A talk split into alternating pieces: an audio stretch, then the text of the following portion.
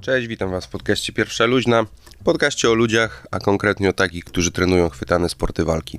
Jeśli odcinek Ci się spodoba, zostaw lajka lub udostępnij go dalej. Będę Ci bardzo wdzięczny. Miłego słuchania.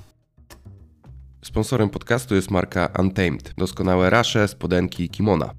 Już za niecałe dwa tygodnie Mistrzostwa Europy Sold, więc wypadałoby wjechać na nie z szykiem i klasą. Ułatwi to Wam 10% zniżki z kodem Pierwsza Luźna. Embrace the Primal, Stay Untamed. Kolejnym gościem jest zawodnik i trener klubu Rio Grappling Dąbrowa Górnicza, dzierżący na biodrach czarny pas brazylijskiego jiu-jitsu Karol Kania. Gadaliśmy o dwóch kampach, koledzy kampie i secret kampie, o prowadzeniu seminariów w Chinach, o jego wyjazdach do klubu Cicero Kosty, o tym jak dbać o regenerację, żeby żyć długo i szczęśliwie i jeżdżeniu na różnych deskach. Enjoy! Cześć Karol. Cześć. E, Jesteśmy na kampie, na koledzy kampie. Obozowy klimat tutaj nagrywki. Jak e, tutaj oceniasz? Znaczy, no dopiero była pierwszy dzień, sesja sparingowa. Jesteśmy po porannym rozciąganku mobility. Ale jak tam po pierwszym dniu, dzisiaj ta edycja? Mm, No, czwarta edycja e, zapowiada się najmocniej. Najwięcej chyba rozpoznawalnych zawodników przyjechało. E, Chłopaki z Łodzi, z Warszawy, e, z Kielc, z Krakowa. E, Także wczoraj po pierwszej sesji sparingowej no nie było lekkiej rundy, jak na razie. No cóż, zapowiada się obiecująco.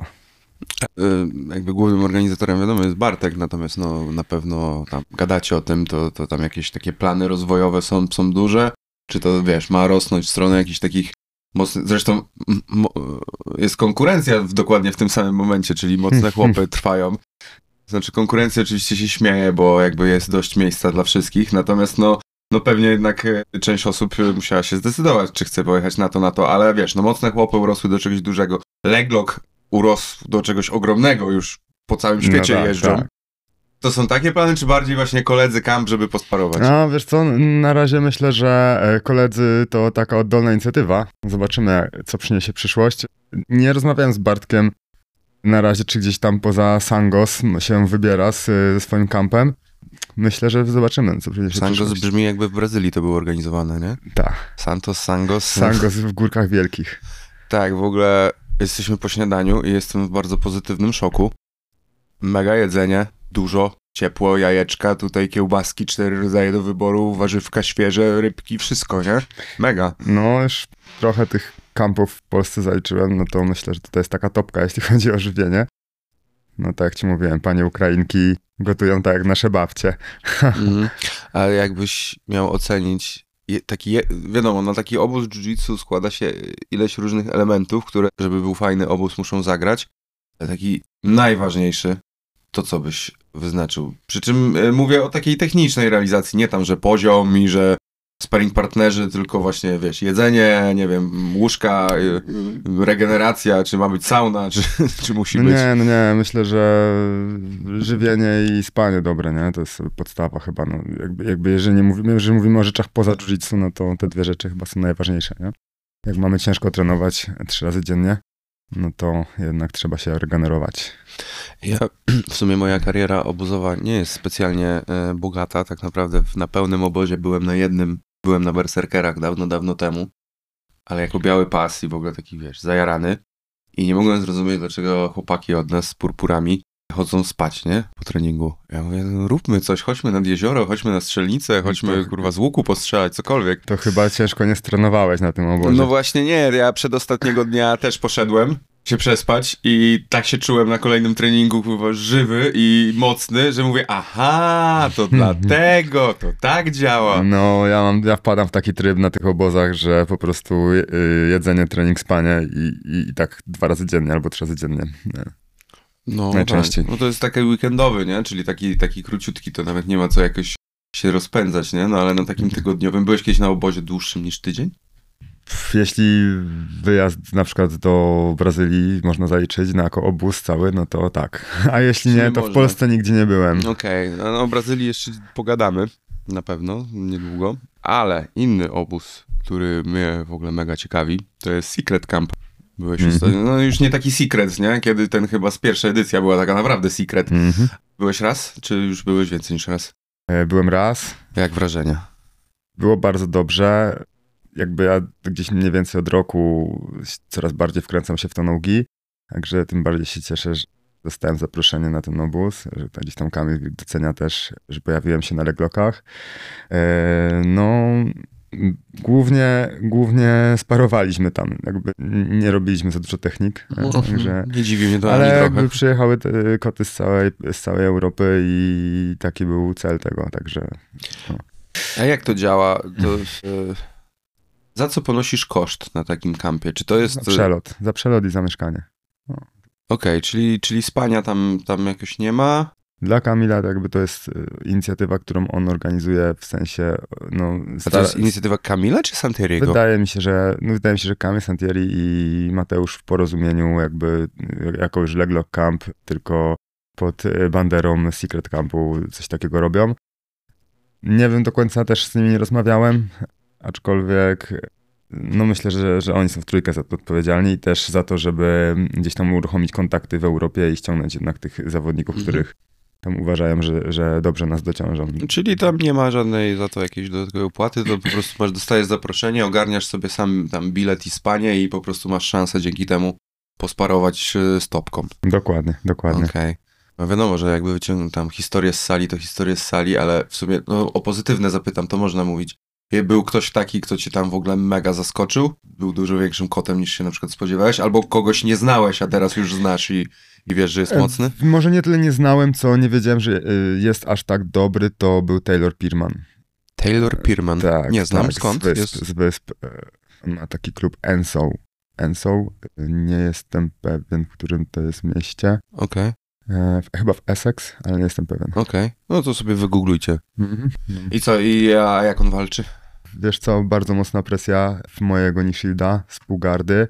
E, mocno rozkładał ciężar i po prostu jakby kasował mi biodra maksymalnie, także miałem e, no, ciężko w ogóle w którąś stronę zbudować kartę, nie? To było takie, no, ja zazwyczaj go wciągałem i po prostu ta kolanka tak przebiegała, że starałem się wydostać potem spod tej presji, nie? Okej, okay, presja. No spoko, fajnie. No. A... To jest w ogóle zawodnik z kategorii 8-8. Teraz był na trialsach w Warszawie i będzie też na trialsach e, w Zagrzebiu. Mhm, to się przyjrzę, to się przyjrzę tym razem. A jak oceniasz siebie? W sensie, że no, jeżeli są dwa bieguny, powiedzmy tego, że pierwszy to reality check, boże jacy oni są mocni, a drugi, o kurwa, jestem naprawdę dobry, w ogóle zajebiście walczyłem z takimi tam super zawodnikami, to, to gdzie na tej skali byś y, swoje wrażenia po Secret Campie na temat samego siebie? Okej, okay. ciężkie pytanie dla no, mnie. Moje ulubione. Okej, okay, no to myślę tak, jak byłem na pierwszym obozie na Maladze w zeszłym roku, na, legloku, na legloku oficjalnym, E, no to był gdzieś tam mój chyba jeden z pierwszych obozów w ogóle w Nogi w całości. Mhm. E, I tam było tak, jak mówisz, był ten drugi biegun, czyli byłem taki w miarę zadowolony z tego, jak sobie dałem radę, e, biorąc pod uwagę, że gdzieś tam ostatnie 10 lat się skupiałem na kimonach i miałem okazję posporować z zawodnikami, którzy głównie trenują nogi. To byłem zadowolony z tego. No tutaj na Secret Campie jednak już przyjechała topka, nie mówię, że było bardzo źle, ale na pewno się y, z tego y, bieguna troszkę mhm. w, w, w, drugą stronę, nie? Y, mhm. Odwróciło. Było, były bardzo mocne sparingi i tak jak to na sparingach, raz lepiej, raz gorzej, co nie? Mhm.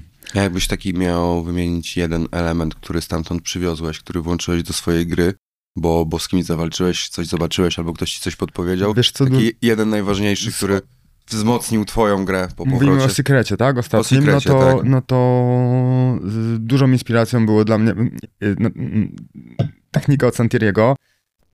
Wrestle po prostu, nie? Coś, czego w kimonach dużo nie robię. W nogi jednak y, ta walka na wysokim poziomie, kiedy przeciwnik nie akceptuje sweepa, no to często przebiega tak, że gdzieś tam łapiesz jego nogę, on zaczyna wstawać i musisz wstać z nim i wykończyć akcję.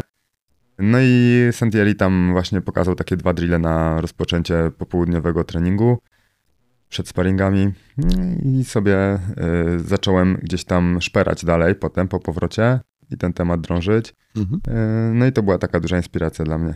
Nice, wrestle upy. Okej, okay, no wiesz, to jest ciekawe w ogóle taki Znaczy, no nie jest to może jakieś rewolucyjne, ale taki element, że wiesz, że, że skupiasz się na takim elemencie jak wstawanie po nieoddanym jakby do końca sweepie, jak to, jak to teraz przeskoczyć. Tak, dla kimoniarza to No nie, nie jest takie oczywiste. Dla, tak, No. a też z, ja zauważam, że jak potem wracam do kimon z takimi właśnie akcjami wrestlapowymi na przykład, no to często zawodnicy z, nie radzą sobie tak dobrze, ci, którzy trenują głównie kimona, nie? Także to, to jest też taki, taki element, który może warto byłoby gdzieś tam wziąć na celownik. A tak w sumie powiedziałeś właśnie 10, 10 lat skupienia na, na gi, teraz bardziej no gi. Jakbyś, ale w dwóch wydaniach, jakby teraz najbliższe 5 lat musisz wybrać tylko jedną formułę, którą będziesz trenował. Nie, a- nie ma czegoś takiego u mnie. Nie każ mi tego robić. No nie no, ale jakby, czy wiesz, no to też jest jakaś tam decyzja w sumie, no wiesz, patrząc po tym, co się dzieje w ogóle w świecie jiu-jitsu całym, nie? Jakby na scenie gi i no-gi, no to też jest jakaś taka decyzja, że no robienie nogi powiedzmy jest jakieś bardziej przyszłościowe się wydaje, nie? Pod kątem jakichś występów, jakichś zaproszeń i tak dalej, i tak dalej. Myślę, że y, jakby moja decyzja, czemu zacząłem trochę robić więcej nogi, to nie jest związana z, z tym opłacalnością No, tego, domyślam się. raczej tylko z zajawą. Domyślam I się. po prostu gdzieś tam bardziej dynamiczna walka, troszkę więcej scrambli, zaczęło mi się to bardziej podobać i dlatego w tym kierunku teraz y, zacząłem podążać. A jaki masz, jakiś wyznaczyłeś sobie cel? Nie wiem, dostać się na IDCC, czy... No, jak widać, startuję teraz, y, Mhm. byłem na jednych triasach, teraz przygotowuję się mocno do kolejnych triasów, więc W ogóle mega fajnie się ciebie oglądało na tych celów. trasach w Warszawie. Przy okazji, w zeszłym roku byłem w Dublinie mm, na IBJJF Open i tak w sumie przy okazji się zapisałem na nogi. W kimonie w końcu nie, nie miałem żadnego przeciwnika, w nogi udało się wygrać kategorię Open. Nie pamiętam już teraz, Brazylijczyka tam przy pierwszej walce pokonałem, on, on wygrał wtedy kategorię Open Gi i kategorię swoją w nogi, kategorię swoją w, w Gi też, także Mhm. trzy złota miał. Y, No i gdzieś tam tak poczułem trochę krew w, w tym nogi, co nie? I później, tak w sumie przy okazji, udało się zdobyć brązowy medal na Mistrzostwach Europy w, w nogi w 2023. No i tak trochę tych punktów już padło, nie? No i tak sobie tak dodatkowe cele właśnie teraz, no to przyjąłem, że na pewno pojadę na London Open, też w nogi, ale też pojadę tam w gi. Także nie każ- Mhm. dalej, dalej nie, nie, nie jestem w stanie wybrać zupełnie y, tej formuły. E, No i jak już troszkę punktów w tym nogi zrobiłem, no to zobaczymy może jakieś większe zawody w tym roku jeszcze. Mhm. A e, kto w tej chwili jak najwięcej e, w twoim treningu ci pomaga, cię uczy, jeśli chodzi o nogi? Bo zakładam, że no to, to, to, to trochę, wiesz, wpłynięcie do trochę nowego świata, nie? Mhm. Nie wiem, czy, czy, czy w Rio, w Dąbrowie, czy we Wrocławiu, czy ktoś może zupełnie inny. Wiesz co, no y, pozdrawiam, Patryk Kamiński, to jest y, gość, który z Bastionu Katowice mm, przeszedł do nas w zeszłym roku i tak od roku już trenujemy. Nie jest to znany zawodnik, ponieważ niestety nie mogę go cały czas namówić, żeby gdziekolwiek wystartował. Mam nadzieję, że będzie słuchał tego podcastu, że go trochę to zmotywuje. Patryk, dawaj. No i to jest taki, taki nerdzik, który dużo siedzi szpera w różnych seminarkach e, w internecie, na stronach chińskich i dzięki temu mamy, mam, mam dużo technik od niego. E, Dodatkowo jest zawsze dla mnie dostępny, czy to w Rio, czy przyjeżdża do mnie, e, do, do, mam takie studio treningu personalnego w Dąbrowie, tam też mam matę i po prostu sobie też drillujemy po godzinach często, gdzieś tam rozkminiamy. No to ta osoba na pewno, na pewno Mateusz Flaga mocno ciągnie mnie też z rozkminą w ogóle metodyki treningu, jak podchodzić do, do takiego trenowania typowo pod robienie punktów pod e, zawody. To jest w ogóle dobry też case dla ciebie, Mateusz, no bo to też był y, zawodnik gi, który przeskoczył na nogi, nie? Dokładnie, dokładnie, no. No i chyba muszę tutaj Kamila Wilka też wymienić, no bo z całej tej ekipy Leglock to z nim mam zawsze kontakt, on tam też za- zawsze o mnie pamięta, napisze i zaprosi na tam jakieś spotkanie z, z kocurami, żeby posparować. Także, także chyba te trzy osoby tak muszę Okej, najbardziej. okej, fajnie. Mm, A jeszcze na chwilę wracając do słonecznej Malagi. Ile czasu tam spędziliście? Spędziłeś? Wiesz co, obóz trwał w teorii 5 dni. Mhm. E, w poniedziałek miałem lot później, więc nie przyjechałem na sparingi. Zrobiliśmy wtorek 2, środa 2, czwartek 2 treningi. E, Na rannym 10 rund razy 6, na wieczornym 6 rund razy 6 bodajże. I wszyscy byli już tak wyrąbani z glikogenu, że w piątek się nikt nie pojawił na treningu praktycznie, Hmm. więc odbyt miał trwać do piątku, ale już większość osób odpuściła po tym czwartkowym popołudniowym treningu po prostu. No to czekaj, to, to, to trochę sugeruje, że moje no, pytanie może być bez sensu, bo chciałem zapytać, czy coś yy, zwiedziłeś w tej Maladze, nie? Czy... Nie, Zwie, zwiedziłem Carrefoura, zwiedziłem Burger Kinga i tyle. No to, to wspaniałe miejsca. E, no tak, no rozumiem, a, aczkolwiek kurczę, no Malaga, mnie, ja bardzo tam od dawna bym chciał odwiedzić Andaluzję. Zresztą powiedziałem Santeriemu, że jak się e, całkiem już wyleczę, to przyjeżdżam. Mm. Ale gdzieś tam chciałbym tam zobaczyć trochę tych mauryjskich zabytków czy, czy coś. No ale ja Wiesz co, ze y- mnie żaden zawodnik, więc ja nie jadę na super ciężki kamp, tylko bardziej na wyjazd jiu-jitsu and lifestyle, nie? Dokładnie, tutaj trzeba priorytety sobie pokładać gdzieś tam. Ja y, na przykład jeżdżąc na k- kadrę Nevazy jako junior, no to tam zawsze mi się zdarzało gdzieś, czy byliśmy w Paryżu, czy tam e, w, gdzieś tam w Belgii, czy, gdzie, czy byliśmy w Atenach, zawsze wyjść na miasto, trochę połasić, nie? Pamiętam taki wyjazd do Paryża właśnie, gdzie połaziłem trochę za dużo, akurat dzień przed walkami. Czułem, że te nogi są bardzo ciężkie potem następnego dnia? Mhm. I jakby teraz jadąc na zawody czy na kampa za granicę, y, staram się oszczędzać energię jak najbardziej na jiu-jitsu. Ale jeśli chodzi o Malagę, na pierwszym obozie zabrałem moją dziewczynę, no już nie miałem wyjścia, musiałem trochę pozwiedzać. I co ci się w tej Maladze podobało? E, Wiesz co, generalnie ten obóz to jest Terromolinos, to nie jest y, Malaga stricte. Znaczy jakieś zadupie pod Malagą? No, taka mała miejscowość turystyczna pod Malagą, dokładnie. Okej. Y, Więc pojechaliśmy na starówkę Malagi. Mm, Był ładny zamek, który był w ogóle zbudowany przez Arabów. Generalnie tam, y, jak jest jasna pogoda, ten zamek jest na takim wzniesieniu, no to widać Gibraltar i widać Afrykę z Malagi. Nice. Y, Więc tam Arabowie mieli trochę wpływów. Nawet sporo. No, w tamtym, w tamtym, w tamtym rejonie. No i co, stare, stare miasto Terromolinos też pozwiedzałem, też jest bardzo ładny deptak. Byliśmy parę razy na plaży. Generalnie wieczorami bardzo dużo spacerowa- spacerowaliśmy i z moją dziewczyną i właśnie e, z Patrykiem Kamińskim, bo był z nami wtedy, Mhm. więc e, tam trochę kilometrów robiliśmy, ale wieczorami po treningu już, nie? No tak, tak, tak. Mówisz, że właśnie no, parę miejsc odwiedziłeś też y, z kadrą, to który, który wyjazd jakby wspominasz najlepiej? Albo pod względem właśnie miejsca, albo w ogóle atmosfery wyjazdu? Bo się zastanawiam też, jak wiadomo, no przed zawodami koncentracja, ale jak kadra gdzieś tam jedzie, już tam swoje medale sobie zrobiła, no to jest jakieś rozluźnienie, jest jakieś wyjście, jest jakieś, jakieś y, piwko, czy, czy, czy to tak, tak, to, na razie jeszcze to się tak nie poukładało? Mm, wiesz co, no kadra Nevazy już nie istnieje. Znaczy, no, no, tak, no jest kadra grapplingu. Jakby ciężko czasami już się w tych kadrach połapać. Ja tam w więc... grapplingu nigdy y, nie brałem udziału, nawet chyba w zawodach. Y, nawet chyba w polskich zawodach nie brałem udziału. Y, a z tą Nevazą, no to było tak, że część kadr na przykład w dalsze miejsca latało samolotami, w dalsze miejsca w Europie. Nasza kadra zazwyczaj autokar. E, mm, po- Polska myśl szkoleniowa była i na przykład do Aten, już nie pamiętam, ale ponad 40 godzin jechaliśmy tym autokarem. Masakra. No. Generalnie było tak, że kończyły się zawody następnego dnia zawika i wracamy, nie? Także e, właśnie często ten moment takiego jednego dnia przed zawodami to mieliśmy dla siebie, mogliśmy gdzieś wyjść, no tylko trzeba było uważać, żeby nie, nie, nie, nie, nie pochodzić za dużo, nie? Nie, nie powiedzieć Em, za dużo, wagę utrzymać, to te... Z takiego najfajniejszego wyjazdu, no to chyba właśnie Ateny były y, z jednej strony bardzo uporczywa podróż, ale z drugiej strony y, zdobyłem tam tytuł mistrza świata U21, w tym GGIF. Y, Poza tym musiałem trochę ciąć, bo to było chyba ostatni raz, kiedy ja robiłem 7-7 wagę. Mm. No, 2017 rok bodajże. Pamiętam, że właśnie ten dzień przed założyliśmy dresy z kolegą i zaczęliśmy sobie biegać po tych Atenach. No i właśnie fajnie, fajnie tak pozwiedzaliśmy, bo w trochę krótszym czasie trochę więcej zobaczyliśmy, nie? Mhm. Na tym joggingu. No.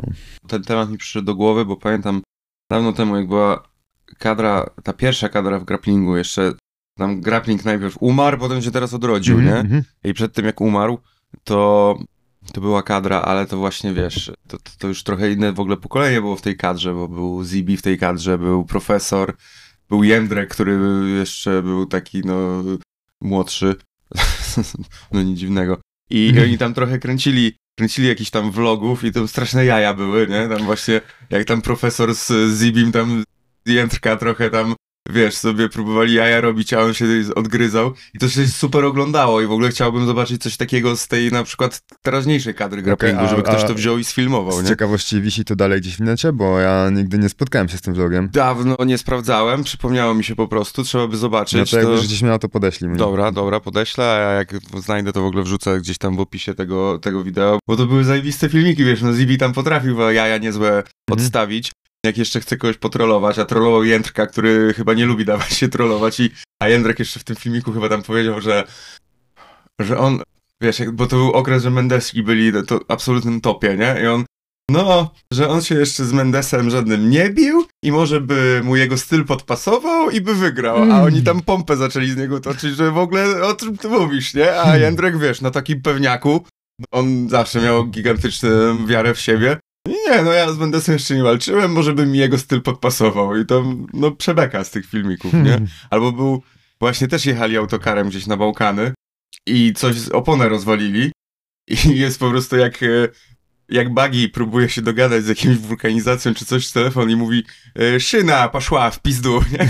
Jakimś takim, z- me, mega, mega fajne klimaty i wiesz, takie pozwala się poczuć przez chwilę od środka jakby częścią jakiejś takiej topki elity polskiego jiu-jitsu, to co jest fajne, ale używam słowa elity, ale też zobaczyć, że właśnie, że to jest, no, no wiesz, no fajny klimat, nie? Mhm. I, I po prostu wiesz, no tak jesteś jakimś tam niebieskim pasem z jakiejś tam średniej wielkości miejscowości, patrzysz, y, patrzysz po tych wszystkich ludziach, y, Adamach, Karolach, Kaniach i tak dalej i myślisz sobie o kozacy ten, a potem ich poznajesz i okazuje się, że no normalne chłopaki, nie? Tak, jak, No tak, jak tak. u ciebie na sali, nie? Oczywiście. E, Wiesz co, no nie wiem, czy ktoś się od nas teraz weźmie za coś takiego, myślę, że też przez ostatnie parę lat e, YouTube i ogólnie social media poszły trochę do przodu, co nie? I jakby ludzie tworzący teraz e, vlogi, no to już muszą się z pewną jakością e, gdzieś tam zderzyć i, i przez nią przebić, nie? Także, ale jest parę osób teraz w Niby- Polsce, niby które tak. fajne vlogi też Mhm. z jiu-jitsu daje. Na przykład mm, Paweł Bechut z Krakowa, z M Akademii, Tak. całkiem fajnie kręci sobie. No, tutaj pod, podcasterzy nasi. mm, No, staramy się. Wiesz co, z jednej strony jasne, jakby już tam ludzie oczekują jakiejś może jakości, bo, bo, bo widzą dużo różnych produkcji, ale e, wiesz, to tak jak to każdy jakiś, e, nie wiem, coach czy mówca motywacyjny, dobry czy zły i tak dalej, to, to gdzieś czy w książki, to zawsze znajdziesz, że nie musisz być jakby w 100% przygotowany, po prostu zacznij robić, nie? Mhm, że, że mhm. ludzie jakby, Krok wiesz, pierwszy, czekają na... pierwszy. Tak, że czekają na idealny moment, że ja muszę mieć sprzęt, muszę mieć to, muszę to, to i nigdy przez to nie zaczynają, nie? Wiesz, zacznij i, i, i co wyjdzie, to wyjdzie. No myślę, że mówię, nawet, nawet kręcony, wiesz, no teraz każdy ma iPhone'a w kieszeni, czy, czy, czy jakiegoś porządnego Androida. Wystarczy kręcić to telefonem, po prostu jak w pokoju ludzie są i to już będzie pewnie z tego content, który naprawdę, nawet bohaterowie tego contentu nie wyobrażają sobie, jak ludzie gdzieś tam w Polsce, tacy Jujitero anonimowi, by mogli się jarać obejrzeniem tego, nie? Dokładnie, no też e, ciężko jest się, nie wiem, uzbroić w super zajebisty sprzęt, jak nie masz w ogóle, wiesz, know-how i nie wiesz, jak, jak, jak zacząć.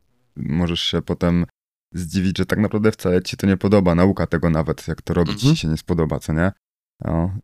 Też takim fajnym przykładem tego, jak możesz zacząć od małej rzeczy i potem ją przekuć w ogromną rzecz, no to Murilo Santana jak się przeniósł do Nowego Jorku, no to on wynajmował mieszkanie, w którym spał, Mhm. Potem wypełnił je w większości matą. Tam po prostu powstało Unity New York nie? W, w mieszkaniu, w normalnym apartamencie. No i jak tam zaczęło brakować miejsca dla uczestników, to dopiero przenieśli się do większą miejscówkę. Really? Że Tam tak- jakiś inwestor się chyba pojawił też, nie? Tak z tego co wiem. Możliwe, możliwe. No, ale to też ciekawe, a że czemu on wybrał Nowy Jork, nie? To ja się zawsze zastanawiam. Na zasadzie, wiesz, inaczej, jakbym był Brazylijczykiem z czarnym pasem, który jakiś tam jest już w miarę, w miarę znany, bo coś tam powygrywał i chciał założyć swoją akademię w Stanach, to nie pojechałbym ani do Nowego Jorku, ani do Kalifornii, ani do Teksasu, nie? Dlaczego? No bo po co mam się bić z taką konkurencją?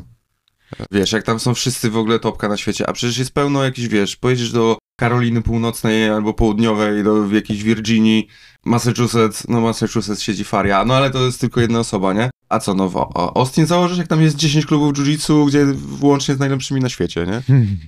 Ja, ja, bym, ja bym szedł w coś takiego, więc jak, znaczy no fajnie, ambitnie, ale Ambitnie właśnie i broni się to. gdzieś w, w, w mieszkaniu w Nowym Jorku, zamiast za te same pieniądze mieć już halę gdzieś, wiesz, dwa stany dalej, nie? No ciekawe, no nie rozmawiałem też z Murillo, dlaczego taka akurat decyzja była, ale jakby Nowy Jork wspaniałe miasto też, co nie?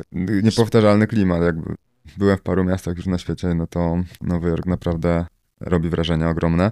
Poza tym no, przyciąga, wydaje mi się, że takie, takie duże miejsca przyciągają też specyficzny rodzaj ludzi, nie? Takich, którzy, których stać naprawdę na to, żeby włożyć dużo energii, a w jiu-jitsu musisz mieć motywację, żeby dużo tej energii sadzić, poświęcić się tej dyscyplinie. Mhm. No, no może tak. Ja no, będę dzisiaj jeszcze z Maćkiem gadał, to może, może on kiedyś o, o tym gadał z Murillo. To, Myślę, to, że on to, będzie wiedział więcej na ten temat. To, to go zapytam, nie? No ale no tak, z mieszkania na Manhattanie do, do Akademii, znaczy z mieszkania jakiegoś w Nowym Jorku Akademii na Manhattanie, miło, miło, nie? Trochę zmieniając y, temat, albo nie, do tego jeszcze y, wrócimy, ale jak już jesteśmy za granicą, mhm. to wczoraj zmieniłem, że ty w ogóle y, jakieś seminaria w Chinach dawałeś. On właśnie, wiesz co, możesz tutaj porozmawiać z kolegą, bo akurat przyjechał e, na nasz obóz pierwszy raz Igor. My mieliśmy e, w klubie znajomego, który zaczął studiować filologię angielską z sinologią. Mhm. Wiesz co to sinologia? No, no, Dla tych, Chinach. No, o Chinach nauka, dokładnie. No i on tam e, w pewnym momencie bardziej w kierunku tej sinologii właśnie poszedł. No i znalazł taką pracę, że uczył w przedszkolu w ogóle dzieciaków chińskiego. Robota była bardzo przyjemna. On tam miał generalnie chyba. E, Ale w Polsce? Nie, w Chinach. W Chinach. A, już w Chinach. Uczył dzieciaków chińs, chińskich. Chińskie dzieciaki Chińskie w Chinach dzieci chińskiego? Uczył angielskiego. A, okej. Okay, I tam w ogóle jest tak, że te dzieci małego już są bardzo pchane w wiele różnych kierunków i rodzice oprócz tego, że po szkole, no to mm, w trakcie szkoły też bardzo, na przykład siedzą z nimi na tych zajęciach. Mm, rodzic siedzi z dzieckiem w ławce i patrzy się, jak dziecko się uczy, co nie?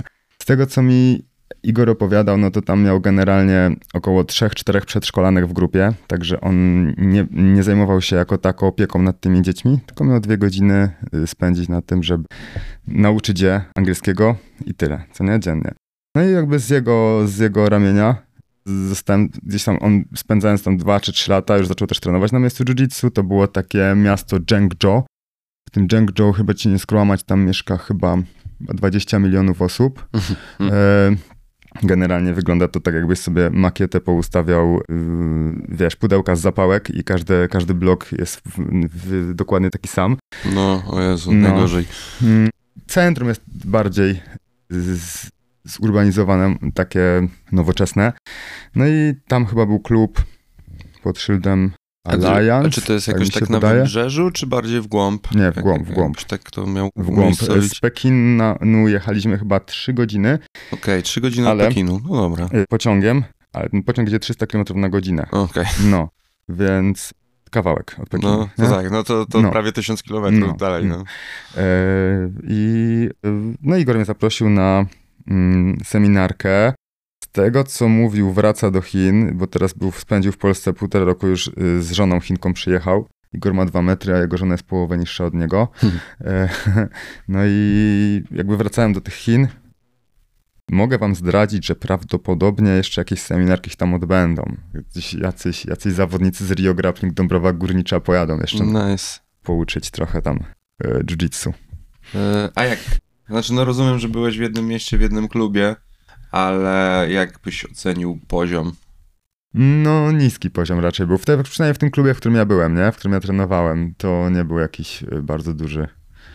Mm, a tam, e, no nie wiem, w ogóle jak z kolorowymi pasami, czy to jednak białe i jakieś niebieskie, a purpury i brązy to już, to już wyjątki, co? Czy, czy są? Nie, ciężko mi, mówię ci, ciężko mi oceniać chińskie jiu-jitsu przez pryzmat jednego miejsca, no w którym byłem no, Wyda na, wydaje mi się, miejsca, że, no, jakby wydaje mi się, że to miejsce yy, tak na zasadzie, jak u nas było parę lat temu, yy, instruktor dostawał ten wyższy poziom pasa między innymi dlatego, że po prostu się przyczyniał do rozwoju mhm. jiu-jitsu w jego mhm. regionie.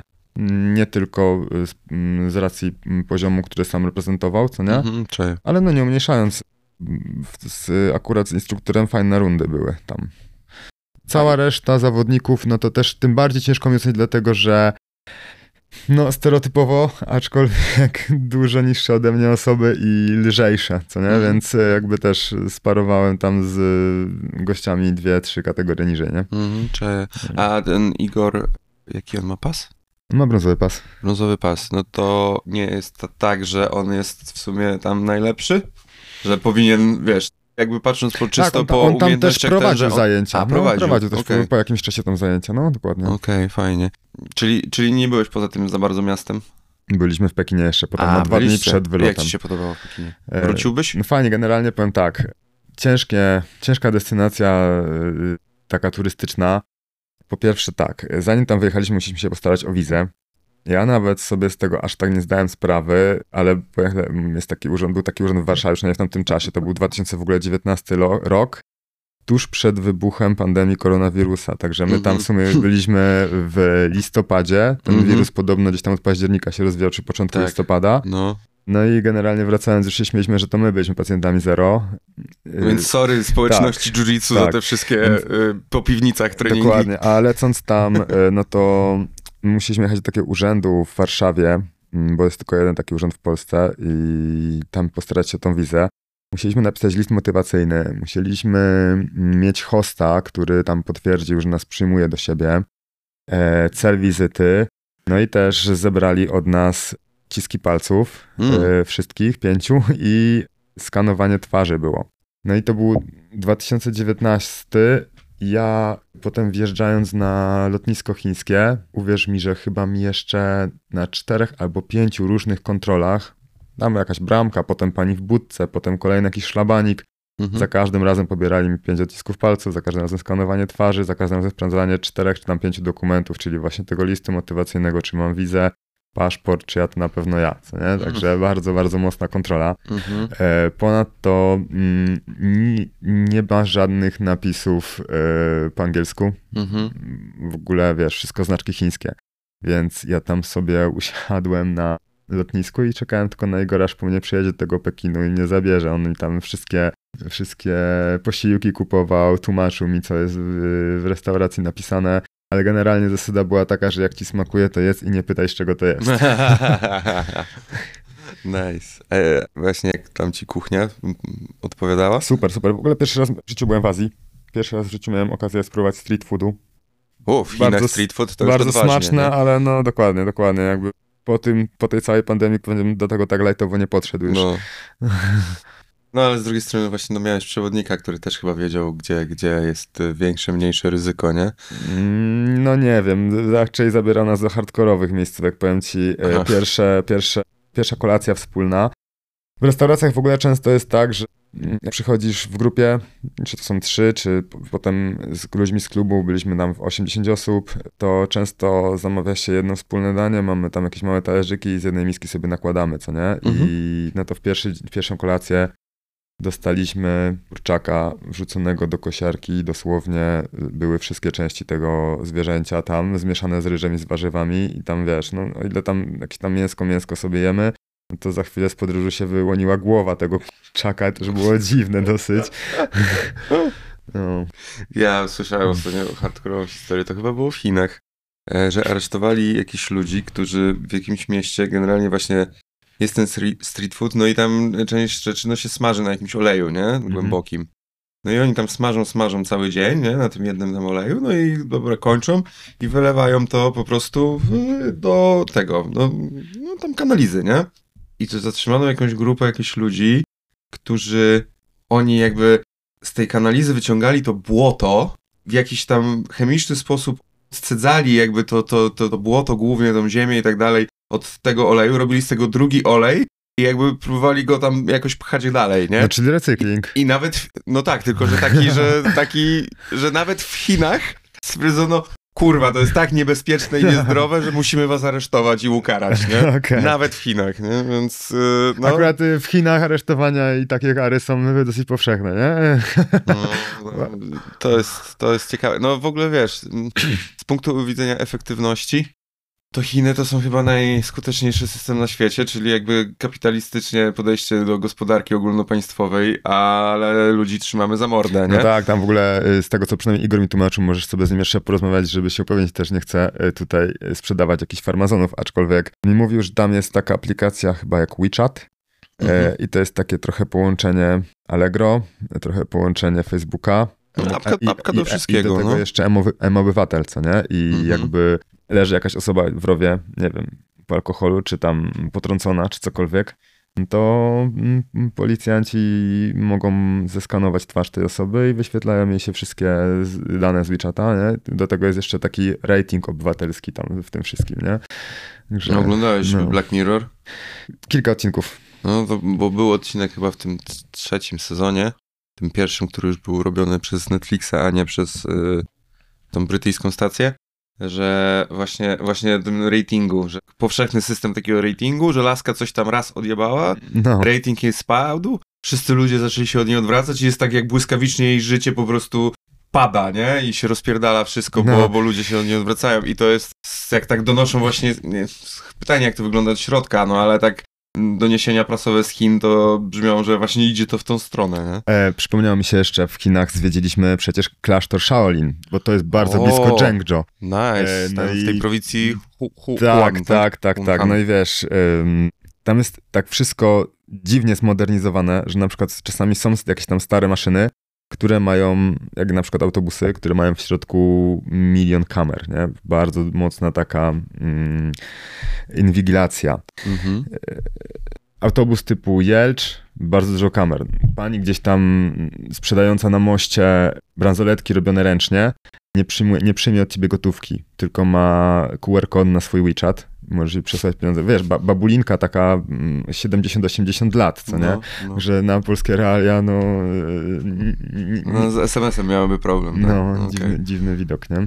No to kurde, ciekawe. No to jest. e, Myślę, że właśnie taka, wiesz, taka podstawowa wycieczka do Pekinu, to nawet ci niewiele mówi o tych Chinach i dużo bardziej właśnie odwiedzenie takiego miasta, które jest 20-milionowym miastem, o którym nigdy większość osób nie słyszała tutaj w Polsce, no bo po prostu takich miast masz kilkanaście Dokładnie, nie? w całych dokładnie. Chinach. A jak już sobie tak latamy po świecie, to sobie przeskoczmy ocean i wylądujmy w Brazylii. Mhm.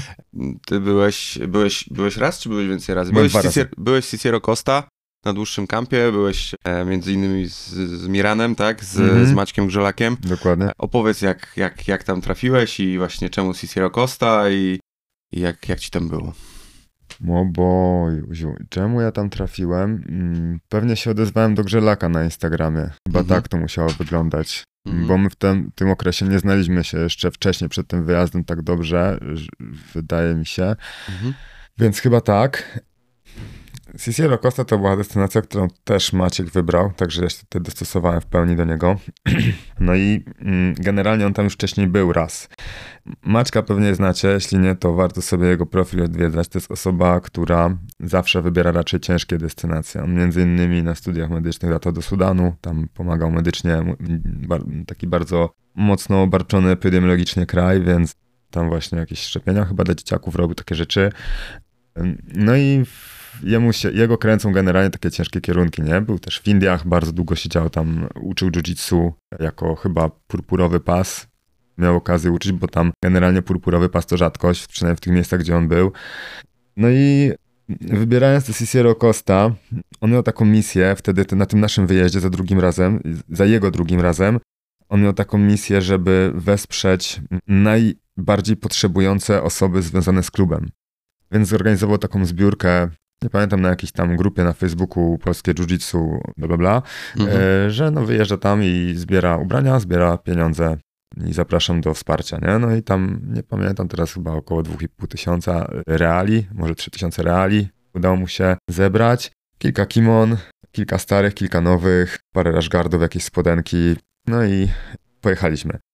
Tylko z Brazylijczykami różnie to bywa, wiadomo jak jest, więc Maciek podszedł gdzieś tam do Cicero, trochę po hiszpańsku, trochę po portugalsku, tam Duka i, i, i porozmawiał z Cicero i on nie chciał tych pieniędzy dać po prostu zawodnikom, bo nie wiadomo, co by się z nimi stało, tylko poprosił, żeby poszukać naprawdę takie rodziny połączone z klubem, które tego potrzebują i pojechaliśmy mm, z tymi rodzinami do marketu takiego ala makro, gdzie mieliśmy okazję po prostu kupić żywność i takie najbardziej potrzebne rzeczy, ale zanim tam pojechaliśmy, to w klubie tym Cicero trenuje taki Lemos. Lemos jest ochroniarzem jednej z brazylijskich gwiazd. Mieszka w São Paulo właśnie i jedna osoba mieszkająca na faweli w São Paulo mm, zabrali nas właśnie, żebyśmy te rodziny poznali i pokazali nam, jak wygląda fawela. No ja jakby totalnie posrany zostawiłem u Lemosa w aucie y, nerkę swoją, wiesz, ze wszystkimi dokumentami. Wyciąłeś sobie na szybko, Ta, żeby ci kasą, nie okradli. kasą, wszystkim, nie? Lemos oczywiście ze mnie zaczął zlewać, jak to zobaczył, nie? Yy, tam taki miał duży Land Rover, przyciągnięte szyby, no i tam sobie to, to, to leżało. I myśmy weszli do środka, no mm, do środka, czyli do takiego budynku. Ja mam, miałem wrażenie, że po prostu jest to budynek, gdzie jeżeli jest taka potrzeba, żeby był kolejny mieszkaniec, to oni dobudowują trochę cegieł z prawej strony. Jak już jest trochę za dużo z prawej, to dobudowują u góry kolejne piętro. Wiesz, i tak to wygląda, nie? Wprowadzili nas tam do środka. Oczywiście y, zero przewiewu w środku. Dosłownie widziałem szczura, który biega tam, nie? Totalny smród. Jakby wchodząc do takiego blokowiska ze wschodniej płyty gdzieś tam w Polsce do piwnicy, to no to wilgoć tam jest lajtowa w porównaniu do tego, co, co, my, co, co miałem okazję tam zwiedzić. Mhm. No i bardzo takie łapiące za serce mm, mie- miejsce, no bo jak zobaczyliśmy, zobaczyłem tych ludzi, no ja po prostu czułem się jakby mi ktoś mózg przez maszynkę do mięsa, wiesz, przemielił i Mhm. jakby wychodząc stamtąd już, już trochę, nie, mm, no tego dnia nie, nie, nie miałem, nie umiałem na nic innego skierować swoich myśli, nie, jakby to było Poznaliśmy osoby takie, na przykład taką babcię, która wychowywała tam piątkę, szóstkę dzieci. Jak weszliśmy do nich do mieszkania, ona się dowiedziała, po co tam wchodzimy, że chcieliśmy ją zabrać do tego marketu, no to zaczęła nam mówić, że właśnie tam chłopaki nam tłumaczyli, nie? Ci Mhm. z, połączeni z klubem, że dziękuję Bogu, że jesteśmy, bo otworzyła lodówkę, pokazała, że cała pusta lodówka, otworzyła nam wszystkie szafki. Mm, W pokoiku takim, jak tutaj siedzimy, nie wiem, ile to może być metrów, Mieszkało wtedy właśnie tam 5 czy 6 osób. Totalnie nic do jedzenia, zostało im tylko połowa takiego garnuszka z ryżem, nie? Więc jak zabraliśmy te osoby tam do tego marketu wtedy, no to, no to oni kupowali takie rzeczy, na przykład, wiesz, 10-kilogramową paczkę ryżu, bo tak najtaniej wychodzi, nie? Mhm. Jakieś tam e, takie zgrzewki, że tak powiem, z jajkami, bo też Mhm. było w to w paczkach tańsze, nie? Mhm. Y, olej, takie najprostsze produkty po Mhm. prostu sobie nakupowały, nie? Chyba trzy czy cztery rodziny Maciek y, wsparł wtedy. Mhm. Bardzo, bardzo sobie cenię to przeżycie. Bardzo dziękuję Maćkowi, że miałem okazję tam być, bo no mieszkając w Europie, w takim powiedzmy szklanym kloszu troszkę, Mhm. mm, jednak pewnych rzeczy nie dostrzegamy, co nie? Tutaj taka mocna nauka była. No to jest, no ja już to wielokrotnie właśnie mówiłem, że, że jak, jak jechać do Brazylii, to, to jakiś tak to sobie ustawić, zorganizować, No. żeby pojechać z kimś, kto, kto jest w stanie ci pokazać trochę Tak. pra, prawdy, a, Tak. nie, a nie tylko Copacabana, No nie? poza tym, y, wiesz, no ja tam gdzieś zawsze aspiracje zawodnicze mówię, kurde, no jedziemy do Brazylii. W ogóle to był taki fajny rok dla mnie. To był też chyba 2019. Mhm. Y, Ja wtedy obroniłem pracę magisterską Z czego? z fizjoterapii. A, no tak. Dostałem czarny pas miesiąc później. No i miesiąc później, to było zawsze moje też takie marzenie życiowe, jakby przez całe studia odkładałem kasę, no udało się jechać do Brazylii. A wiem już jak to było.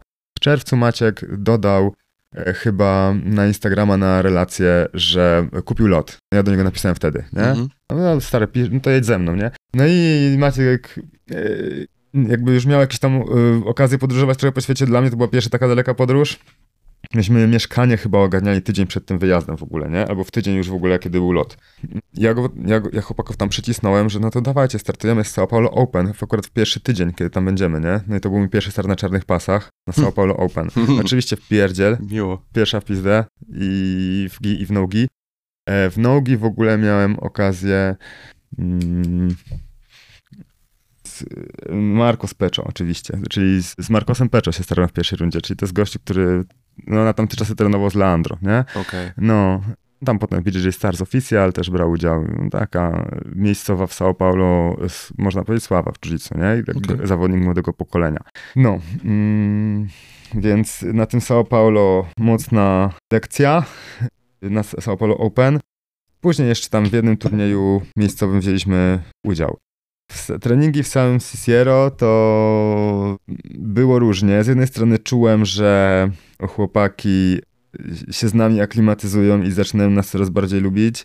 Z drugiej strony trafiało się takie osoby, powiedzmy takie rzezimieszki klubowe, mhm. e, które miałem wrażenie, że starają się mnie skontuzjować, bo no chyba nikt się tak w taki sposób nie kula, na przykład łapie ci wristlocka, od razu strzela go z całej siły, nie? Także po prostu nadgarstki strzelają, nie? Mm -hmm. I to drugi, drugi chłop gdzieś tam jakiś tam judoka, wiesz, robił rzuty w taki sposób, że moje obydwie nogi się odrywały i jego obydwie się odrywały i całym impetem lądował na mnie, nie? Także zdarzały się też takie y, rzeczy. Oczywiście byli też zawodnicy, którzy się lajtowo bardziej kulali, czuli, że mają przewagę, kontrolowali sobie te pozycje i walczyli bardziej, że tak powiem, sportowo, nie? E, miałem okazję na tym pierwszym wyjeździe poznać Francisco Lo, czyli kojarz teraz tego zawodnika, no wtedy on nie był no. jeszcze taki rozpoznawalny. Później drugi mój wyjazd do y, São Paulo, do Sampy, też był z Krzysiem Flakiem. No do Sampy? Do Sampy, no Sampa to jest w skrócie São Paulo. A, okej. Okay. No, no, y, więc też był z Krzysiem Flakiem. Krzysiu na początku zaproponował, że będziemy trenować u profesora Barbosy. Bardzo fajne treningi. Y, w ogóle, będąc już 3 lata na czarnym pasie, nauczyłem się, co to jest kontrola z dosiadu i jak, jak robić duszenie krzyżowe. Tam dopiero. No ale już gdzieś tam serducho zostawione w Ciciero, no i Chłopaki jeździli wtedy do Morumbi Akademii, Krzysiu y, z Patrykiem. Ja się od nich oddzieliłem już i po prostu sobie Uberkiem dojeżdżałem do tego Ciciera na treningi, a Francisco mnie na każdym treningu brał do siebie do pary. Zawsze mhm. robiliśmy razem technikę, zawsze Super. robiliśmy razem sparingi i jeszcze potem gdzieś tam po sparingach rozkwinki jakieś swoje podpytywałem go, czym mnie załatwił i gdzieś tam, wiesz, pchał to do przodu. Także ostatecznie klimat w klubie Cicero bardzo fajny. Do tej pory z chłopakami gdzieś tam na Instagramie mam kontakt i sobie piszemy, nie? I myślę, że no, nawet ci zdradzę, mhm. byś sobie zobaczył z tegorocznych Panamsów walki Francisco, no mhm. to walczył z naszywką Rio Grappling Club na plecach, mhm. a to dlatego, że mu się porwało kimono i po prostu pożyczał ode mnie to kimono, nie? Mhm. Kurde, nie wiem jaki jest klimat między São Paulo a Rio de Janeiro, ale to w sumie, wiesz, potencjalnie ryzykowne z Rio mieć na, na, na tym, na kimonie. Nie, nie, on na Panamsach tegorocznych walczył, nie? Na Panamsach tegorocznych w, w, na Florydzie. No tak, ale tam dookoła pewnie było pełno ludzi z no. Brazylii.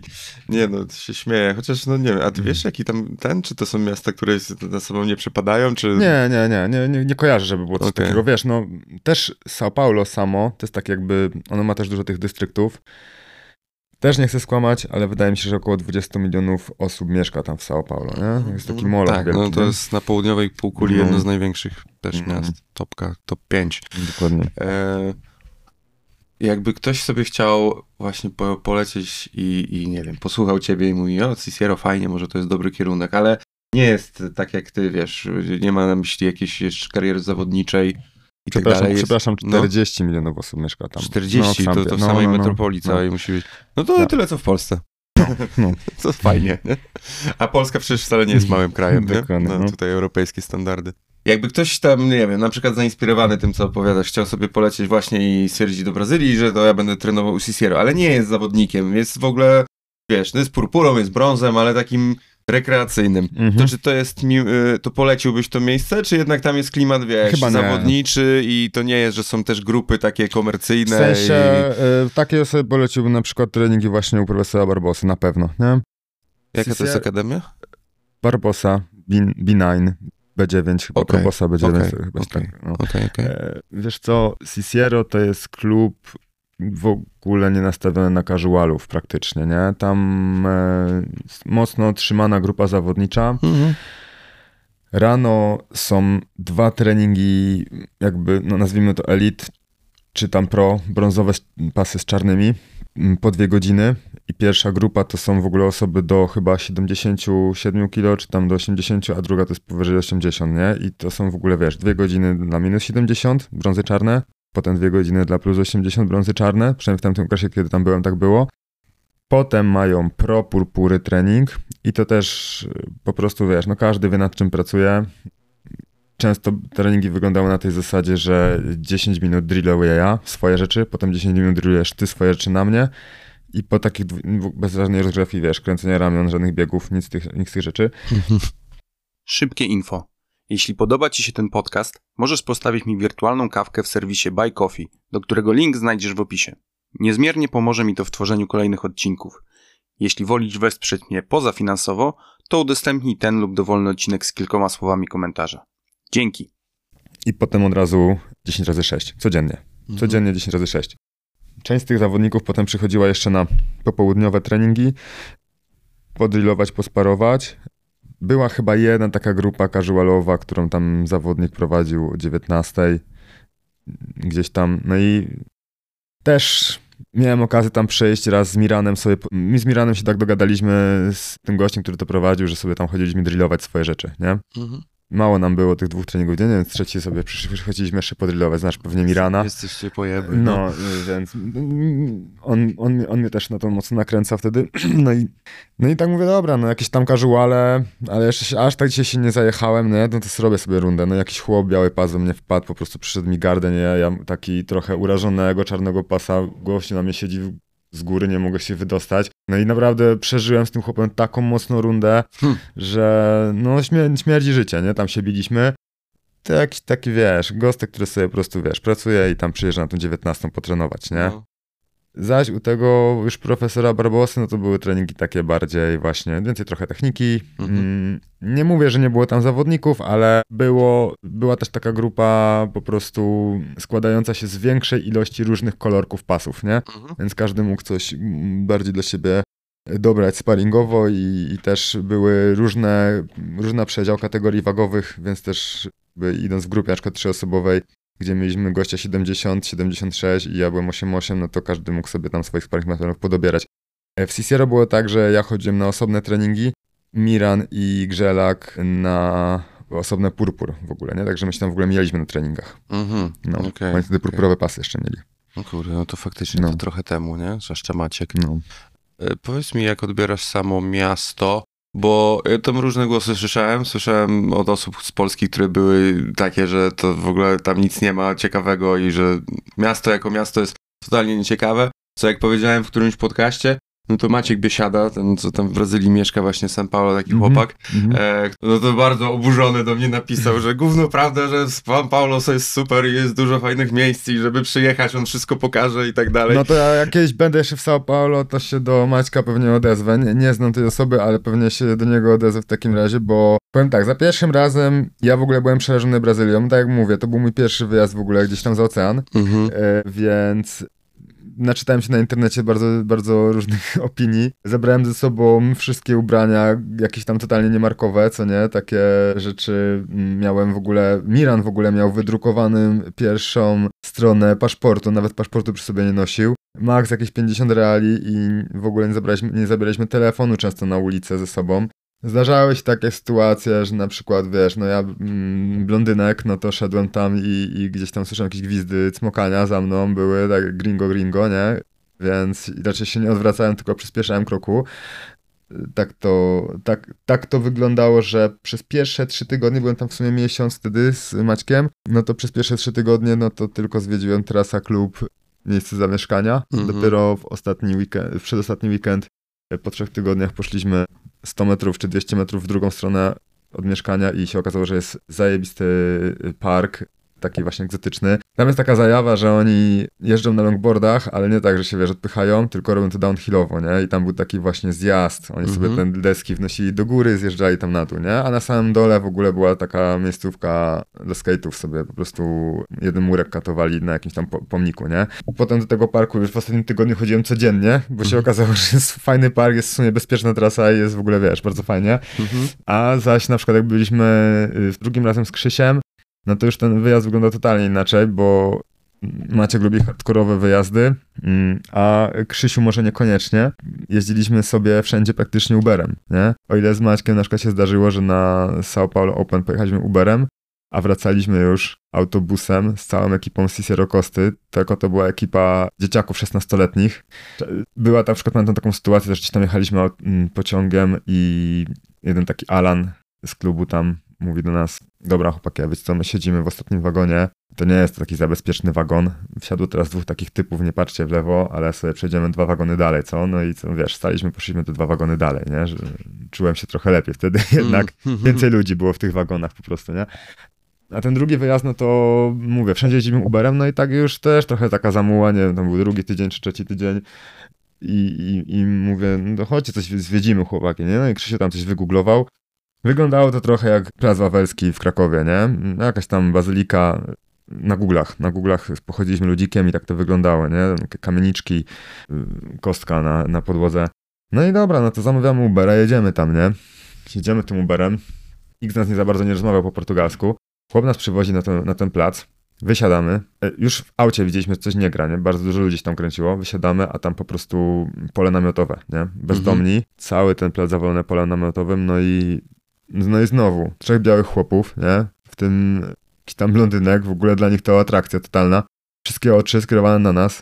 Po prostu z tego Ubera, pamiętam, mieliśmy z 10 metrów do jakiegoś tam Rossmana, do jakiejś drogerii. Weszliśmy, bo tam był jakikolwiek ochroniarz i zamówiliśmy drugiego Ubera i pojechaliśmy stamtąd. kurwa. Nie, że nie pozwiedzaliśmy za No. bardzo. No.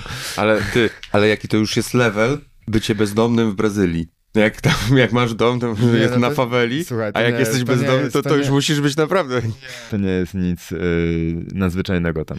To też jest trochę inny klimat, bo u nas się bezdomność kojarzy, wiesz, z czymś takim bardzo hardkorowym, bo przychodzi w końcu zima i musisz sobie jakoś z tym poradzić, nie? No tak. A w takich ciepłych krajach, ja na przykład się spotkałem pierwszy raz właśnie w Atenach z tym, tam są takie starożytne zabudowania, że na przykład pierwsze e, parteru nie ma, tylko są kolumny Mhm. i dopiero idziesz sobie normalnie deptakiem ulicą, a na co masz sufit, pierwsze piętro, drugie piętro, wiesz, y, Mhm. i tam właśnie nad, pod tym sufitem rozłożone śpiwory, jakieś kartony i Mhm. wiesz, chmary ludzi śpią, nie? No w Sampie się też z tym spotkasz, że- chmary ludzi śpią. W Kalifornii też się z tym spo, No tak, spotkasz, tak, że tak. jest w opór dużo, wiesz, namiotów porozkładanych i śpią osoby bezdomne, nie? Więc jakby to też chyba trochę zależy od miejsca na ziemi. Nie, no jasne, tylko właśnie się, się trochę śmieję się, może to nie powinien się z tego śmiać, ale że wiesz, jak w Kalifornii jesteś bezdomny, no bo jakby pozwolić sobie na to, żeby mieć gdzie mieszkać, to potrzebujesz jakichś tam pieniędzy, nie? A jeżeli w Brazylii, w w, mieście, to gdzie jest- masz, wiesz, fawele, gdzie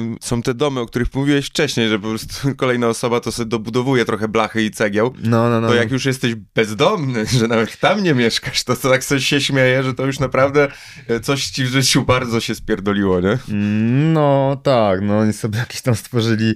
Ja mi dla, ja nie, parę razy byłem, wiesz, na Woodstock y, Festival i w, w Polsce i, i to mi się tak trochę kojarzyło, nie? Też po prostu takie społeczeństwo było w Mhm. namiotach, nie? Taka No, fawela okej. namiotowa, nie? Tacy- Bardziej. tacy- ten, no. nomadzi. No, no, no. Okej.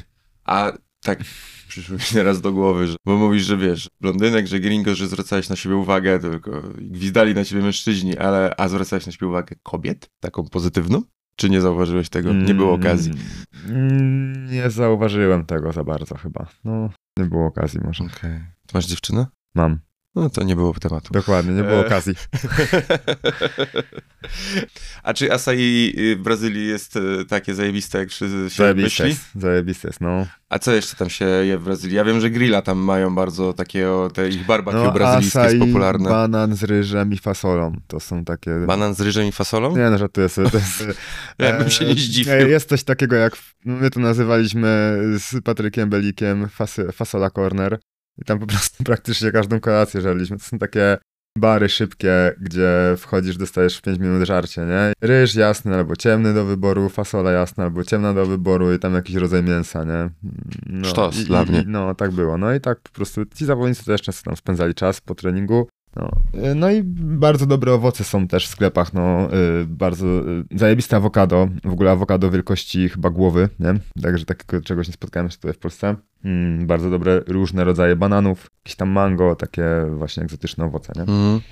A w ogóle masz w planach wrócić do Brazylii? Jakichś takich konkretnych planach? Czy... No tęsknię czasami ten, za tym dreszczykiem emocji i za tym takim, za tą taką adrenaliną, która jest przed treningiem, jak idziesz do Cicero, do klubu.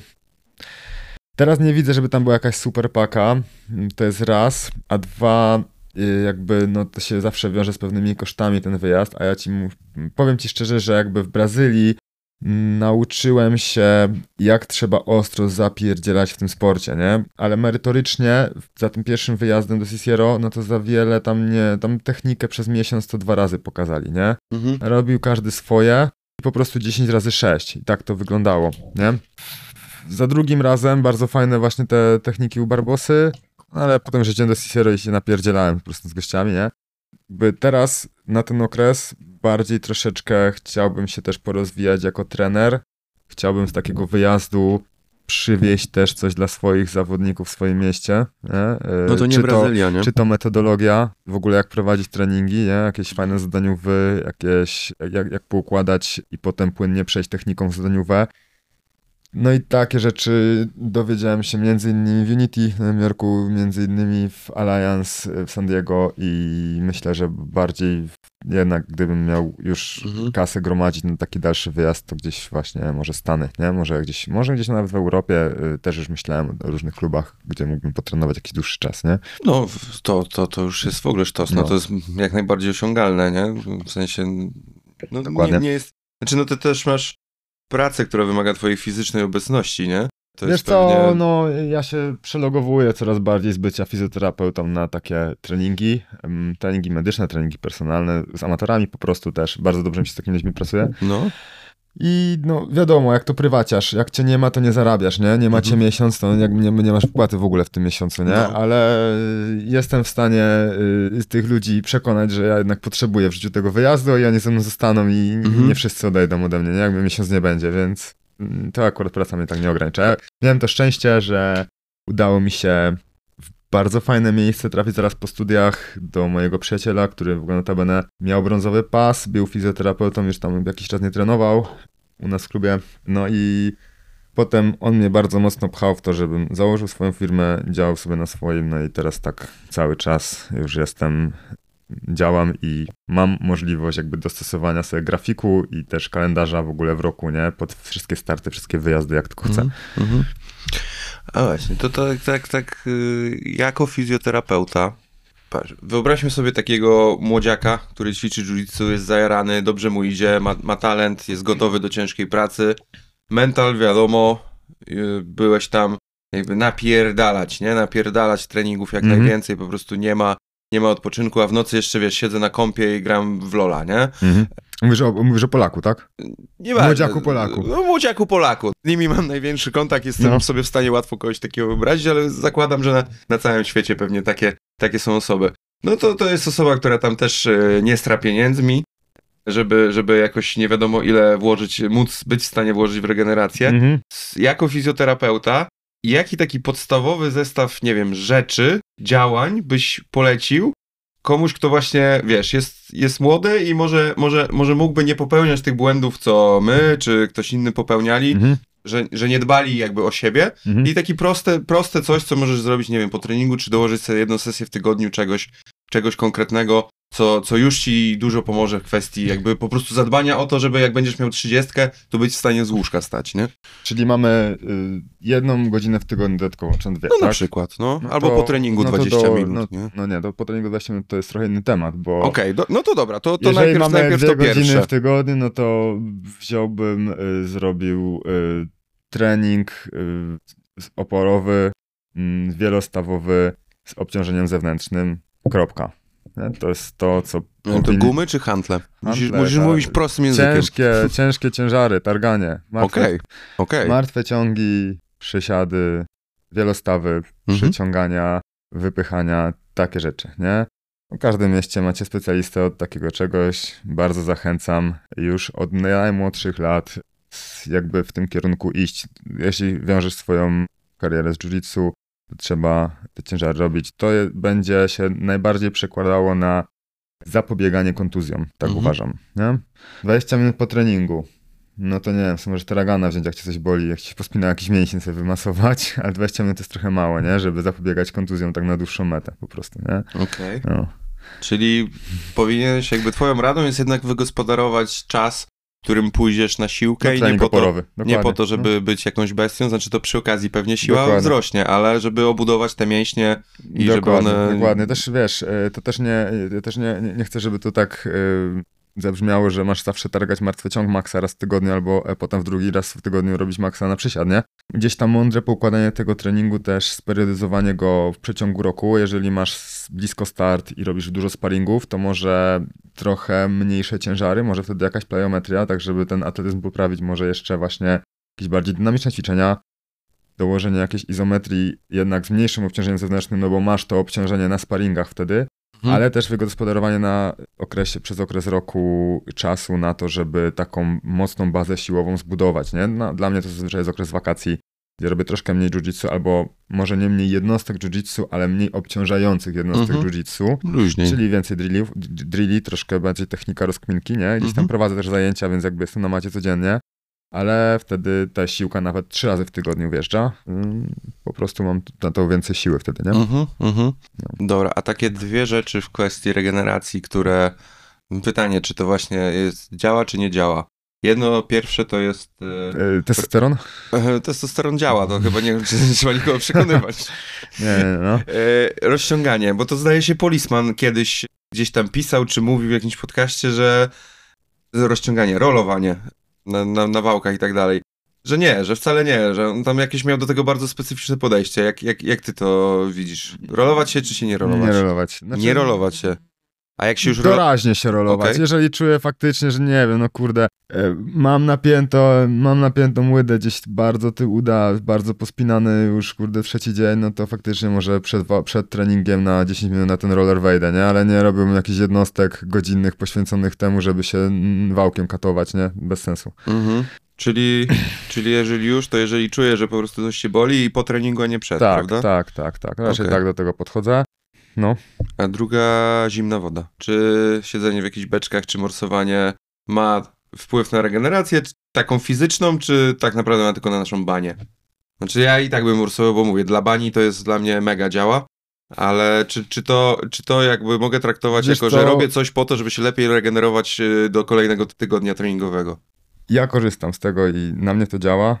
To pewnie musiałbym poszperać w badaniach naukowych, żeby ci to bardziej gdzieś tam rozwinąć ten temat tutaj, nie? Teraz jakby ci nie odpowiem, tak? Ale zachęcasz, tak? Ja korzystam, tak. Dla mnie, dla mnie jest okej okay to, no. Ale jakby, jeśli chodzi o regenerację, to najważniejsza jest higiena snu i dobra dieta i tego nic ci nie zastąpi, nie? Mhm. Jeżeli będziesz, nie wiem, miał pracę zmianową i ten sen będzie gdzieś tam rozpierdzielony trochę w tygodniu, nie?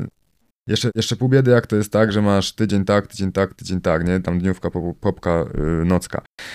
A co innego, jak na przykład masz yy, mój kolega klubowy Kamil Druka miał poprzednią pracę taką właśnie, że dwa dni nocka, raz ranka, potem dzień przerwy, dwie popki, nocka, zaś jak kilka ranek, nie? I to tak było takie, że no on po prostu potem na tych rankach nie mógł spać, nie mógł się na tą rankę obudzić, nie? I to wiesz, bardzo to niższe regenerację.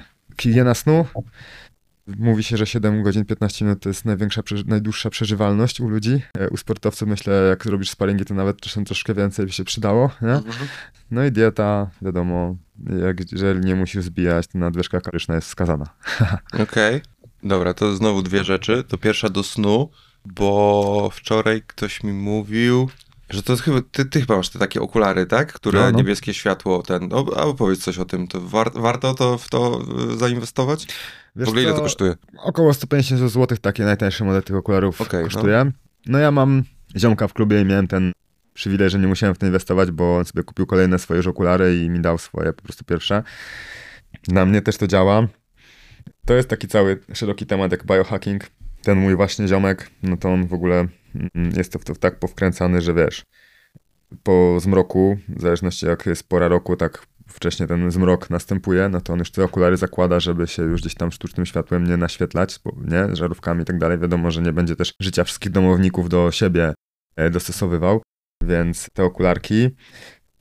Na pewno nie skrolowałbym za dużo aplikacji w łóżku przed snem. Mhm. Nawet jeżeli masz te okulary, to też po prostu system dopaminergiczny i, i po prostu no, yy, rozbudza. Rozbudza za bardzo coś takiego, co nie? Więc też myślę, że są też rzeczy przed tymi okularami, które można jeszcze, nad którymi można jeszcze popracować, zanim sobie zobędzie okulary. Mhm.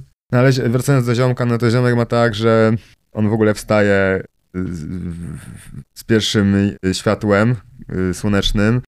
Zanim w ogóle zje pierwszy posiłek, to wychodzi 15 minut pochodzić, żeby się tym światłem, żeby go do logówki oka dostarczyć, wiesz, no to jest cały szeroki temat biohacking, to możecie sobie poczytać. No aż tak powkręcony w to nie jestem, ale na przykład jak w klubie mamy jarzeniówki i ja jestem o godzinie 19 po sparingach, a mam jeszcze prowadzić grupę intro do 21, to czasem sobie po prostu te okularki też użyję, czasem e, tuż po wyjściu z klubu ja po prostu zakładam, żeby już te Mhm. dwie godziny przed snem tego światła niebieskiego nie dostarczyć, nie?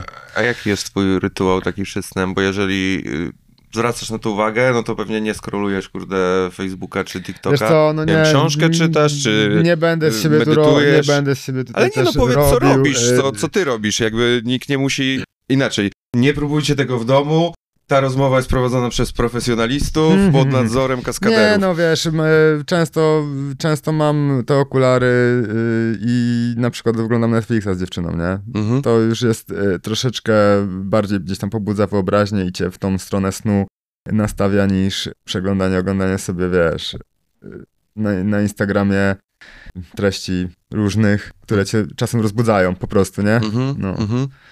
Czyli coś spokojnego można No. ten. No, no ja Książka, książka zawsze- jest zawsze spoko, bo czytanie bardzo pobudza wyobraźnię, a, a wyobraźnia w godzinach wieczornych to po prostu powoduje, że padasz jak kawka w sekundę, nie? Okej. Więc czytanie książki jest zajebiste dla osób, które mają problem ze usypianiem, to też jest spoko, nie? Nice. No ja, ja się staram, znaczy ja zawsze dużo czytałem, a ostatni czas to właśnie tak widziałem, że mi spadło czytelnictwo i bolało mnie to. Mhm. I, I po prostu os- w ogóle no tak sobie ja raczej postanowień noworocznych nie robię, no ale jakieś tam sobie zmiany próbuję wprowadzać i na przykład właśnie żeby takie małe, w małych dawkach pewne rzeczy robić właśnie, ale żeby robić, nie? Czyli na przykład, jeżeli nie mam czasu, żeby sobie usiąść na dwie godziny z książką, no to te 20 minut przed snem za każdym razem poczytać. No teraz też sobie ustawiłem taki cel na, w tym roku, że codziennie 30 minut y, jiu-jitsu takiego, wiesz, w internecie, nie? Że Oglądanie, obejrzeć jakieś zajebiste. technikę, Super. żeby ten, żeby czy tam rozkminkę z tego Mhm. less, y, less, mm, less involved, more impro- Nie, kurwa, nie pamiętam jak się ten Mm. kanał nazywa. Albo BJJ Scout, albo coś takiego. Z- Znany schemat wielu osobom na pewno. No, tu się wkręcam, dobra, przez trzy dni w ogóle napierdalam szkoleniówki, coś tam ściągam, kurde, tu ten i potem, potem nic, nie? I jakby efekt jest taki, że wychodzi mało. A jeżeli będę konsekwentnie te 30 minut dziennie coś oglądał i tam potem sprawdzał, no to myślę, że to bardzo pomoże mojemu jiu-jitsu, nie? No, super pomysł, tak jest. Czekaj, zapytałem cię o sen, a jeszcze mówiliśmy o szamie. Dobra, jeśli chodzi o to, co jest zdrową szamą, co nie jest, no to jakby wszyscy w miarę wiedzą, jeść dobre, dobrej jakości białko, węgle o tej porze, a to o tej porze i tak dalej. To, Ale czy masz... przepraszam, no. na chwilę, to moja wiedza mniej więcej do tego się sprowadza, nie? Nie, nie jestem jakby... Dobra, ale tu żadnym znowu, pr- znowu pytam jakby o twoje, yy, wiesz, to co ty robisz, nie? To, czy ktoś to będzie się zainspiruje, czy nie, to jego sprawa. Ale czy masz jakiegoś lifehacka, takiego coś, coś co robisz związanego z żywieniem, co, co może wiesz, że nie, nie jest jakieś takie standardowe, ale ty robisz i dla ciebie działa, nie? Nie wiem, to, to nie jest jak, chyba żaden life, life hack. Ja jem od 10 lat jajecznicę z czterech jajek na śniadanie. I to jest, to Mhm. jest taka stała rzecz w mojej diecie, nie? Bardzo, bardzo Resztą dobre. sobie żongluję po prostu, nie? Zazwyczaj drugie śniadanie to jest owsianka, po prostu zrobiona w termomiksie na szybko. Jeszcze Okej. w trakcie jak jem jajecznicę, zabieram ją do pracy i tak. Okej, a co, co jesz yy, na noc najczęściej? To jakiego typu rzeczy? To musiałbyś zaprosić moją dziewczynę Aha, na to podcast, bo robi. z- często jest tak, że jak ja wracam po tym in, grupie intro, to liczę, liczę już na nią, przyznam się. No to dobrze, dobrze. No to co, pogratulować tylko, że coś jest na stole, a nie tylko, No. a nie tylko lista pretensji wypisana. Dokładnie, dokładnie. Czasem się też zdarzy, wiadomo, że coś zamówimy po prostu, nie? Słuchaj, ja chciałem jeszcze pogadać o Oak Jiu-Jitsu Challenge. No to zapraszam. Jak to, jak to tam gdzieś wyszło, że, że zorganizowałeś zawody? Jakie są plany, jeśli chodzi o te, o te zawody? Mhm. Dobra, powiedz najpierw to, a ja jeszcze, jeszcze o jedną, jeden aspekt y, organizacji zawodów chciałem dopytać. To słuchaj, no mm, mam u siebie w mieście, mam mojego kolegę, który od wielu lat prowadzi mm, i organizuje zawody ekstremalne w deskorolce, hulajnodze, rolkach, BMX-ie, snowboardzie. W snowboardzie mówimy o jibbingu, nie o jaździe styczkami, tylko o skakaniu po parku i na hopach. No i od dwóch lat właśnie moje studio personalne, treningu personalnego znajduje się u niego w Skate Parku. Mhm. Y, y, Dużo razem działamy.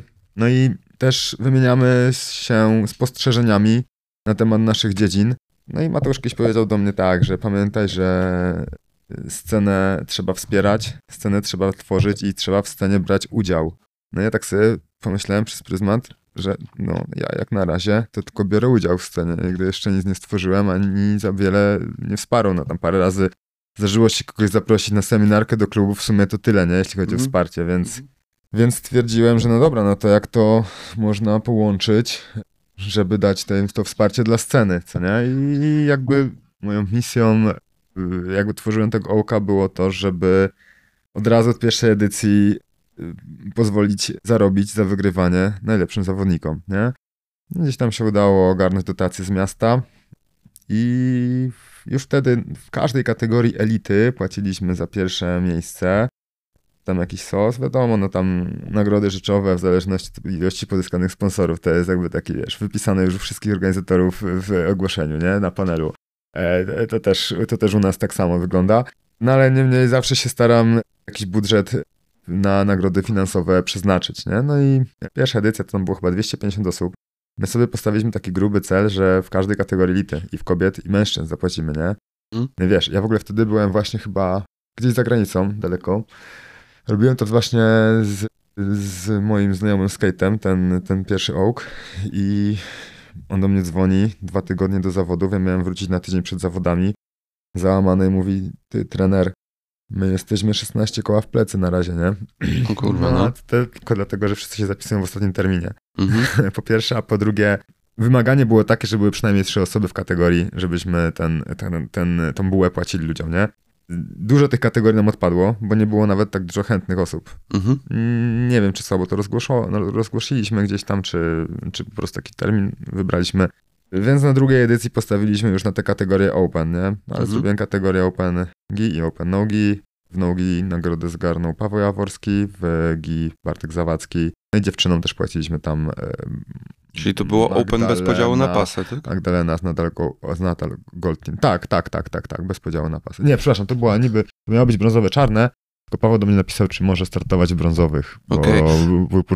napisałem, że on może, nie? A czekaj, a bo, y, czyli, czyli na pierwszej edycji każda kategoria wagowa na różnych pasach miała, miała hajs, tak? Nie, nie, nie, w czarnych pasach, w czarnych, Czarnych, brązo- czarnych okej. brązowych, w czarnych brązowych, Okej, tak jest, okej. tak jest, tak jest, tak jest. Okej.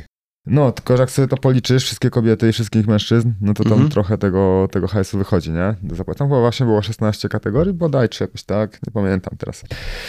No, aktualnie yy, czekamy na odpowiedź ze strony miasta. Mm, prawdopodobnie w przyszłym tygodniu będzie, no ale czy, ta, czy to wsparcie z miasta będzie, czy go nie będzie, no to druga połowa maja robimy Oak Jiu-Jitsu Challenge 3. Mhm. Prawdopodobnie końcówka sierpnia Vol 4. Może jeszcze jakiś mały turniej mikołajkowy dla dzieciaków tylko. To, Mhm. to, tak, to tak już nawiasem, nie? Ale jakby zapraszam wszystkich w maju. Szukamy już nie tylko w mieście, ale szukamy też jakby z zewnątrz sponsorów, którzy tam nagrody finansowe y, będą w stanie nam y, zagwarantować jeszcze, gdzieś tam podnieść stawkę może. Stay tuned. Mhm. Zobaczymy, co wyjdzie. No i właśnie to, to już wyszło w tym, co, co mówiłeś, ten wątek, o który ja chciałem dopytać, czyli kwestia sponsorów. Jak się pozyskuje sponsorów, kiedy chcesz zorganizować zawody jiu-jitsu? Jak się za to zabiera w ogóle? Patrzysz, patrzysz, kto jest prywaciarzem w klubie u ciebie, Mhm. No, tak Ale myślałem. ewentualnie kto pracuje w jakimś dużym korpo, nie? I, i to jest. No, no, pisanie do ludzi mailów się równa z tym, że nie dostaniesz żadnej odpowiedzi prawdopodobnie. Nie dostaniesz żadnej odpowiedzi prawdopodobnie. Zwłaszcza jeżeli piszesz w ogóle do firm, wiesz, niezwiązanych z branżą, nie? Mhm. Tam osobami, które tam mi dały jakąś odpowiedź, to były, wiesz, e, jakieś marki z odżywkami, z ciuchami i, i tyle, nie? Mhm. Z ciuchami do sportu. Z ciuchami oczywiście, wiesz, w kontekście sportu walki, nie? Mhm. Ale no dobra, czyli co, jest jakaś firma jakiegoś ziomka, który trenuje, który tam poszedł do prezesa, albo jest, szefuje, albo poszedł do prezesa i powiedział, że dobra, wiem, że mamy budżet na jakieś działania CSR-owe, to, to może turniej jiu-jitsu tutaj wesprzemy. Oni dają hajs, gotówę?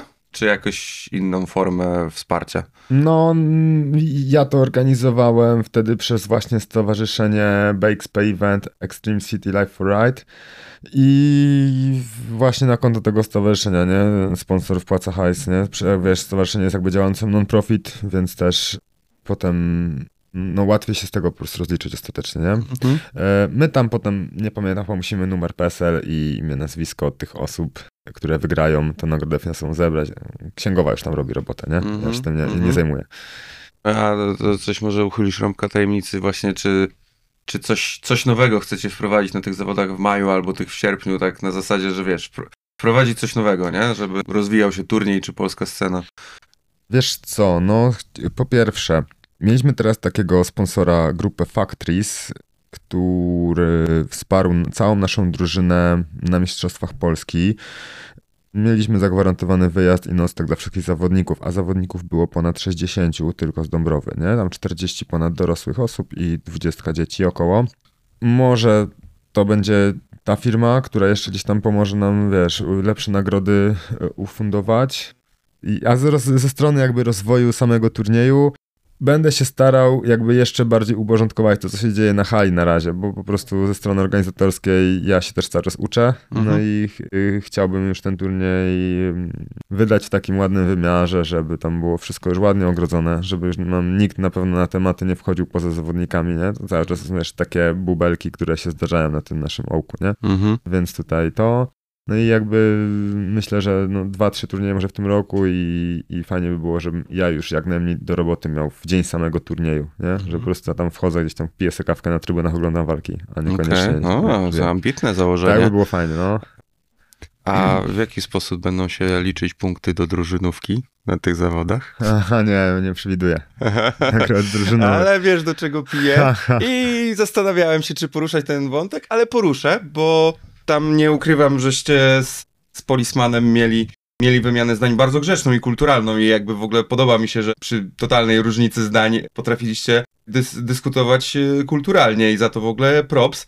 No ale tak e, w tych pierwszych dniach to wydaje mi się byłeś dosyć przejęty. Tak. Jak, jak to tam z perspektywy już tych paru miesięcy, jak trochę temat e, no, ochłonął, ochłonęli wszyscy i temat przygasł, jak, jak, jak to oceniasz? Jak no, da, dalej tak samo, z czy... perspektywy, nie, z perspektywy paru miesięcy, no to na pewno byłoby to sportowo, byłoby to krzywdzące, gdyby drużyna, która faktycznie rzeczywiście najwięcej tych zawodników wystawiła i najwięcej punktów zdobyła, nie zdobyła pierwszego miejsca, nie? Także ostatecznie, no, wszyscy się chyba zgodziliśmy z tym, nie? Że berserkersi mm, zdobyli najwięcej punktów, mieli najwięcej zawodników, nie?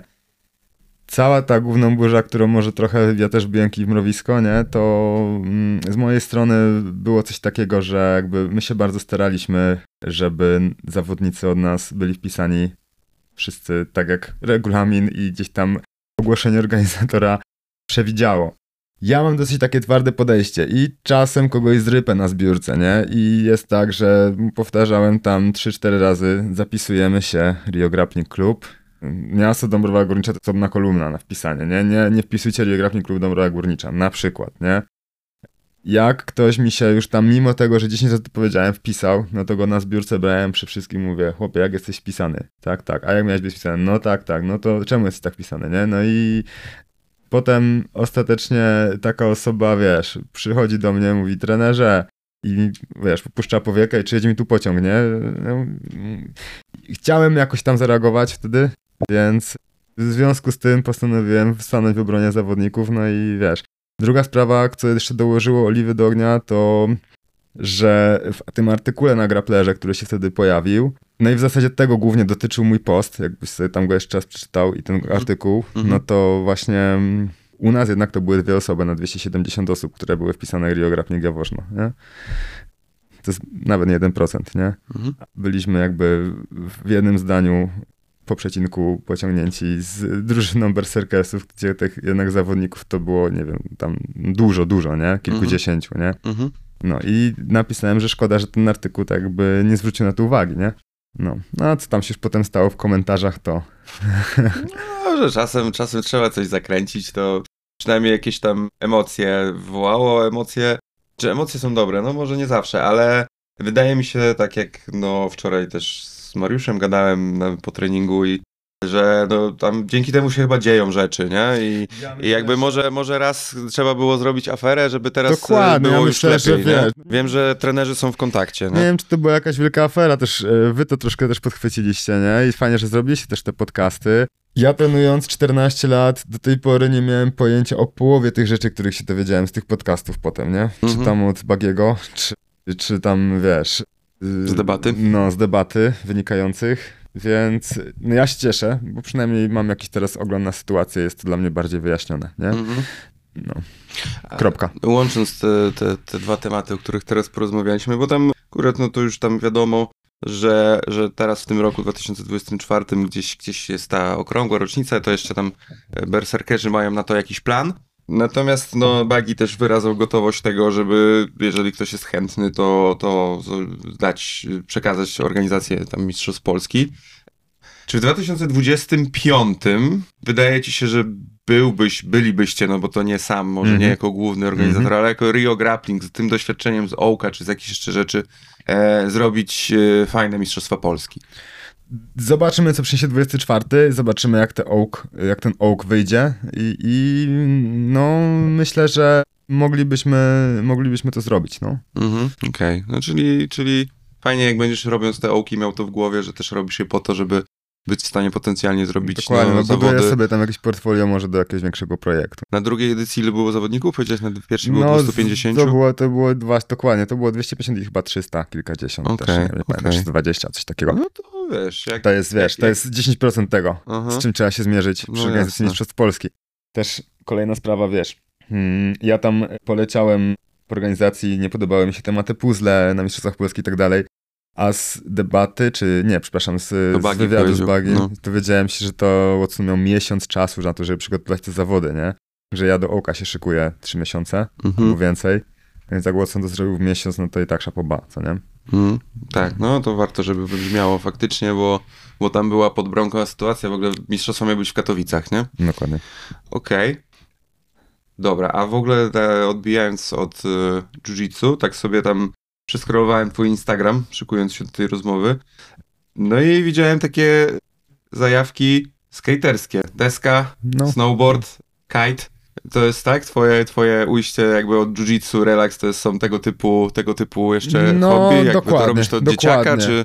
Nie, nie, nie, nie. Właśnie raczej jako dzieciak to było gdzieś tam może y, bardziej takie marzenie niespełnione. Mam 28. Okej, 95 dobra, rok. dobra. 29, przepraszam, to jest Nie, 24 dobra, rok. dobra, wszystko mi się No. mniej więcej zgadza. Czasami ktoś potrafi No. mnie zaskoczyć. Luke na przykład Griffith, nie? ge- e, Generalnie e, nigdy nie miałem deskorolki, jak byłem dzieckiem. Mhm. Już powiedzmy w młodej dorosłości tam sobie kupiłem tą deskę, zacząłem troszkę jeździć po skateparku, w bowlu, troszkę pompowałem tam. Nie jestem skatem, nie za dużo potrafię zrobić trików, wiesz, ale jakby była to fajna odcinka, wsadzałem sobie słuchawki. Często nawet po wieczornym treningu w lato jeździłem na taki otwarty skatepark, u nas sobie gdzieś tam jeszcze popompować właśnie. W międzyczasie pojawił się snowboard. Mm, Snowboard to jest totalna zajawa dla mnie Mhm. e, i tym bardziej, że naprawdę nieraz w pięknych okolicznościach można pojeździć. Jeśli tam jakieś alpejskie góry i francuskie Alpy, byliśmy piękne miejsca, więc tym bardziej, no totalnie przy, y, wyłączasz myślenie, wiesz, o Bożym świecie. Równocześnie, albo w zasadzie to może nawet już wcześniej zacząłem jeździć, mam taką tradycję właśnie z moją dziewczyną, raz w roku gdzieś tam do jastarni sobie jedziemy. No i zawsze oglądałem tych kajciarzy, nie? Mówię, dobra, no to jeżdżę na takiej desce, na takiej desce, dobra, zaczynam tego kajta, nie? Okazało się, że kajt jest cholernie trudny. Mhm. E, pomijając już fakt, że popływać możesz tylko jak wieje, a w, w Polsce, w tej jastarni, no to nie jest taka miejscowa, że wieje cały czas. Są takie Tak. miejsca na świecie, na przykład Egipt, no, gdzieś tam w Grecji. Portugalia, no. Dokładnie.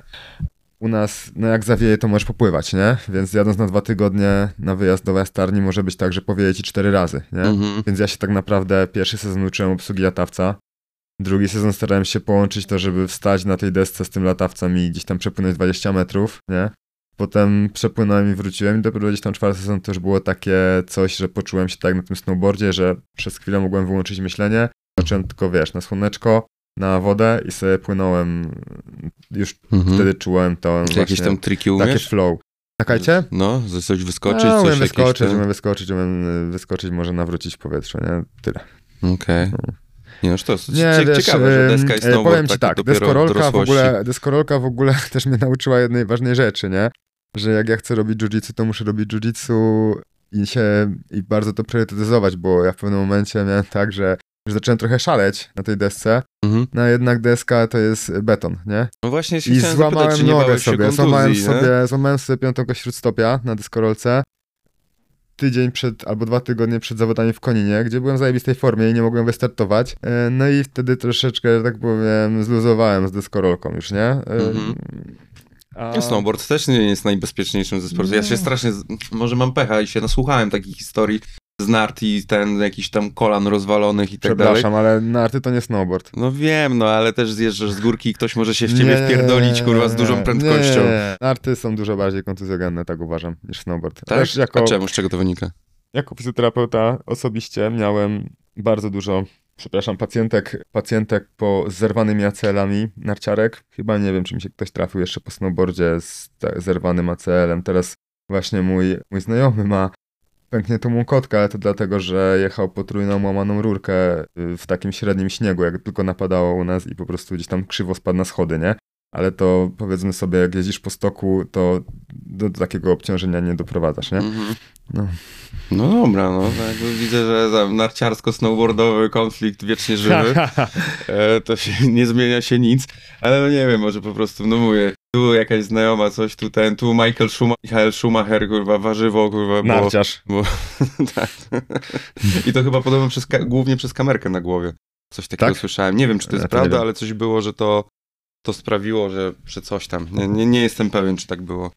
Te sporty, kite, deska, snowboard, w jakikolwiek sposób mają przełożenie na jiu-jitsu? W sensie w jakikolwiek sposób pomagają ci w jiu-jitsu fizycznie Nie, bądź nie, mentalnie? czy... Me- mentalnie jest to dla mnie urlop.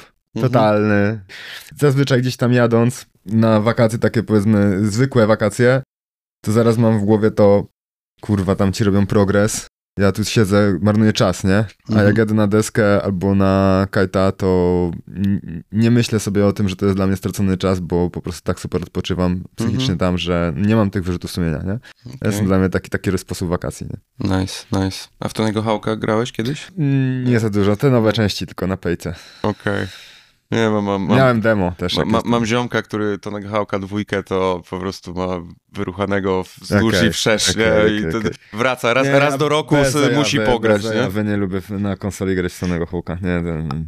A ogólnie lubisz grać na konsoli? No. A I w co grywasz? Jaki gatunek? Przede wszystkim. Wiesz co? W pandemię grałem trochę w Rainbow Six Siege. To jest taki CS na konsolę, Mhm. można powiedzieć, trochę bardziej. Takie taktyczna strzelanka. Tak. No. Grałem, ja w ogóle jako dziecko Diablo 2 to miałem tak opierdzieloną, że, y, że no nie wiem ile godzin tam spędziłem, więc teraz najnowsze Diablo w ogóle z całą ekipą z klubu mieliśmy swój klan i zawsze praktycznie online był pełen skład, bo tam było można tylko w czterech grać os- y, maksymalnie, więc kilka osób z klubu miało tą grę i po prostu cisnęliśmy w klanie, nie? Jest taka gra, którą od 2019, odkąd się pandemia zaczęła, gram, gram chyba codziennie. Jeśli teraz os- ostatnio nie mam konsoli, bo zrobiłem remont i jeszcze nie powiesiłem rzutnika, nie powiesiłem ekranu, ale tak godzinkę dziennie albo pół godzinki dziennie to na tym spędzam. To jest taka bardzo, bardzo prosta gierka platformowa, 2 na 2 online gra się mm, rankedowo. Chodzi o to, żeby strącić z platformy, z takiej małej platformy mm, przeciwnika i tyle, nie? Mhm. Bijatyka taka, ala Tekken, tylko bardzo, bardzo prostą grafiką, nazywa się Brawlhalla.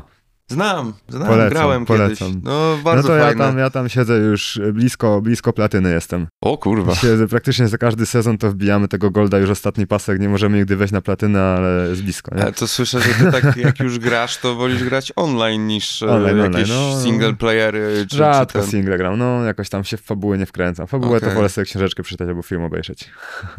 Polecankę jakąś poproszę, książkową albo filmową, co tam ostatnio czytasz, albo zrobiło na tobie ostatnio wrażenie. Boże, nie, no ja czy, ostatnio to czytałem same pierdoły, nie? Teraz też sobie wziąłem Agatę Christie, taką No i dobrze, 100 kur- stron. Jakby, ja wiesz Wiesz, co, ja nie lubię, że, że jak czytać, to tylko musisz jakieś kurwa poradniki Doniosłe. kurwa o życiu. Ja Doniosłe, beletrystyka no. uważam jest wspaniała, czytanie dobrych oczywiście autorów, no bo znaczy, teraz jest w ogóle taki trend, że yy, wkurwianie się na mówienie o tym, że nie ma się co chwalić czytaniem, że czytanie to jest dokładnie to samo co oglądanie serialu i tak dalej. Ja rozumiem trochę, ale uważam, że czytanie mimo wszystko bardziej rozwija.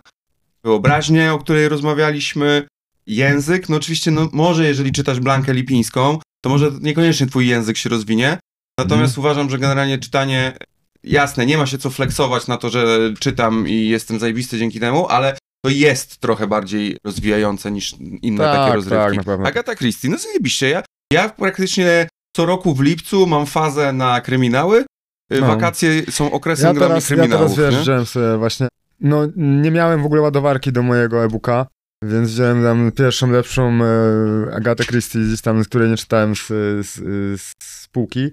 I pojechałem do, na Mistrzostwa Europy do Rzymu, nie? I tam przeczytałem to, siadło mi, mówię, dobra, to teraz jest kolejny obóz, to dobra, biorę kolejną książkę, nie? Od niej i, No, na no trzy dni super. poczytam. Tak, taka książeczka, że w dwa dni to ją, No wiesz. kurde, to drogi. 10 murzynków. O. Nie, to już teraz się nazywa oficjalnie i nie było już nikogo, zmienili. Czy Morderstwo w Orient Expressie? No. Zajebiste w ogóle lektury, nie? No, Dokładnie. Ja teraz jestem ten. na morderstwie na polu golfowym akurat. Okej. A ten, e, Sherlocka Holmesa czytywałeś? Tak, tak, no wszystkie części chyba. No, opowiadania Sherlockowe Teraz są właśnie, zajebiste. jeśli pytałeś o polecankę filmową, No. To wyszedł, teraz jest w top 10 na Netflixie chyba właśnie taki o starym Sherlocku Holmesie, który jest już po karierze, ma demencję i musi sobie przypomnieć swoją ostatnią sprawę. O, I gra Sherlocka Holmesa, gra tam y, stary Magneto z tych pierwszych X-Menów.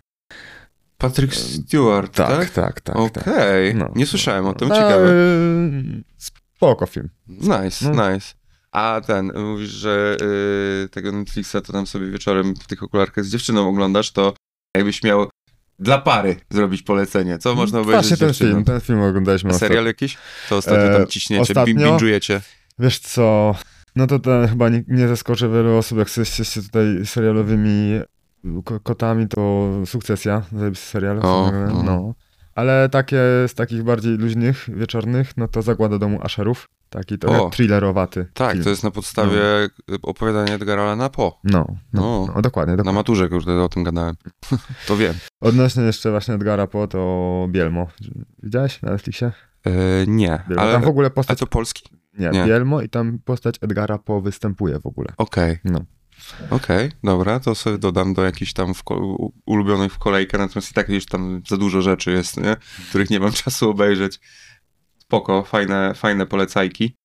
Słuchaj, Karol, no nie chcę ci zabierać treningu, No za będzie. 8 minut w seminarium z z profesorem Maćkiem. Z profesorem Kozakiem, którym to profesor e, zaraz po seminarium usiądzie na twoim miejscu. E, Ale moje standardowe pytanie na koniec każdej rozmowy. E, Dostajesz dzisiaj telefon od menedżera jakiejś e, gwiazdy, że chce przyjść do ciebie na prywatkę, nie związanej ze sportami walki, tylko ogólnie z popkulturą. Kto by to był, żebyś się jarał, że będziesz miał okazję tą osobę poznać i zbić piątkę i pokazać jej jiu-jitsu? Za dużo mam takich chyba. No to pierwszą myśl daj, no to nie musisz wybierać jednej, możesz kilka wymienić też. mm, Pewnie jakiś, e, jakiś muzyk z, jakiś, z, z moich ulubionych bandów, może nie wiem, może ktoś z Gorillaz, Okej. wokalista. No ale przecież to są animowane postaci, a nie ludzie. No dobra, dobra. Wokalista Gorillaz, tak? Na przykład, no. No i sztos. I to jest, to jest konkretna i fajna odpowiedź. Dobra, Karol, bardzo ci dziękuję, zwłaszcza, że myśmy się na tą rozmowę umawiali od dawien dawna, od kiedy miałeś być w Gdyni Kurczę, nie wiem, Łukasza. razy, ile już ci się ściemniłem, ale wiesz, bo tam byłem w tej Gdyni na treningu, nie? Tylko wiesz, jak to jest, jak jedziesz z Trójmiasta do Gdyni, to zajmuje to w jedną stronę półtorej godziny, No jasne. nie? Jeszcze jesteś na wakacjach ze znajomymi, no i teraz weź im wytłumacz, że ci nie będzie 8 godzin na przykład, e, jak Ja jesteś rozumiem. tydzień na wakacjach, nie? To, Rozumiem, w No. pełni rozumiem, nie ma problemu. A, a to też było dobre, bo Karol miał przyjechać na spary do Gdyni, już byliśmy umówieni, ale Łukasz Michalec spary odwołał, bo się, bo się rozchorował, a stwierdził, że jak jest chory, to nie będzie się z Karolem napierdalał, bo musi być w zajebistej formie do tego, nie? No, Łuki tam zawsze y, bronił swoje twierdzy bardzo mocno, przyznaję, jak byliśmy u niego. Dobra, Karol, no jeszcze, jeszcze oczywiście chwila dla ciebie, żeby kogoś pozdrowić, podziękować, coś oświadczyć, yy, zbluzgać kogoś, co chcesz. Mikrofon jest twój. No, pozdrawiam całą polską scenę y, brazylijskiego jiu-jitsu, na pewno. y, Kibicuję i nie mogę się doczekać kolejnych lat, bo jak już widzieliśmy ostatnio, młoda wiara daje radę bardzo mocno. Także czekamy. Czekamy, co się dalej może wydarzyć. Czekamy. Dzięki, pozdro. Os. Dzięki za wysłuchanie odcinka do końca. Jeśli macie jakieś pytania do gościa lub do mnie, piszcie śmiało w komentarzach na Facebooku, Instagramie lub YouTubie. Oczywiście zachęcam również do szerowania materiału. Os i do usłyszenia.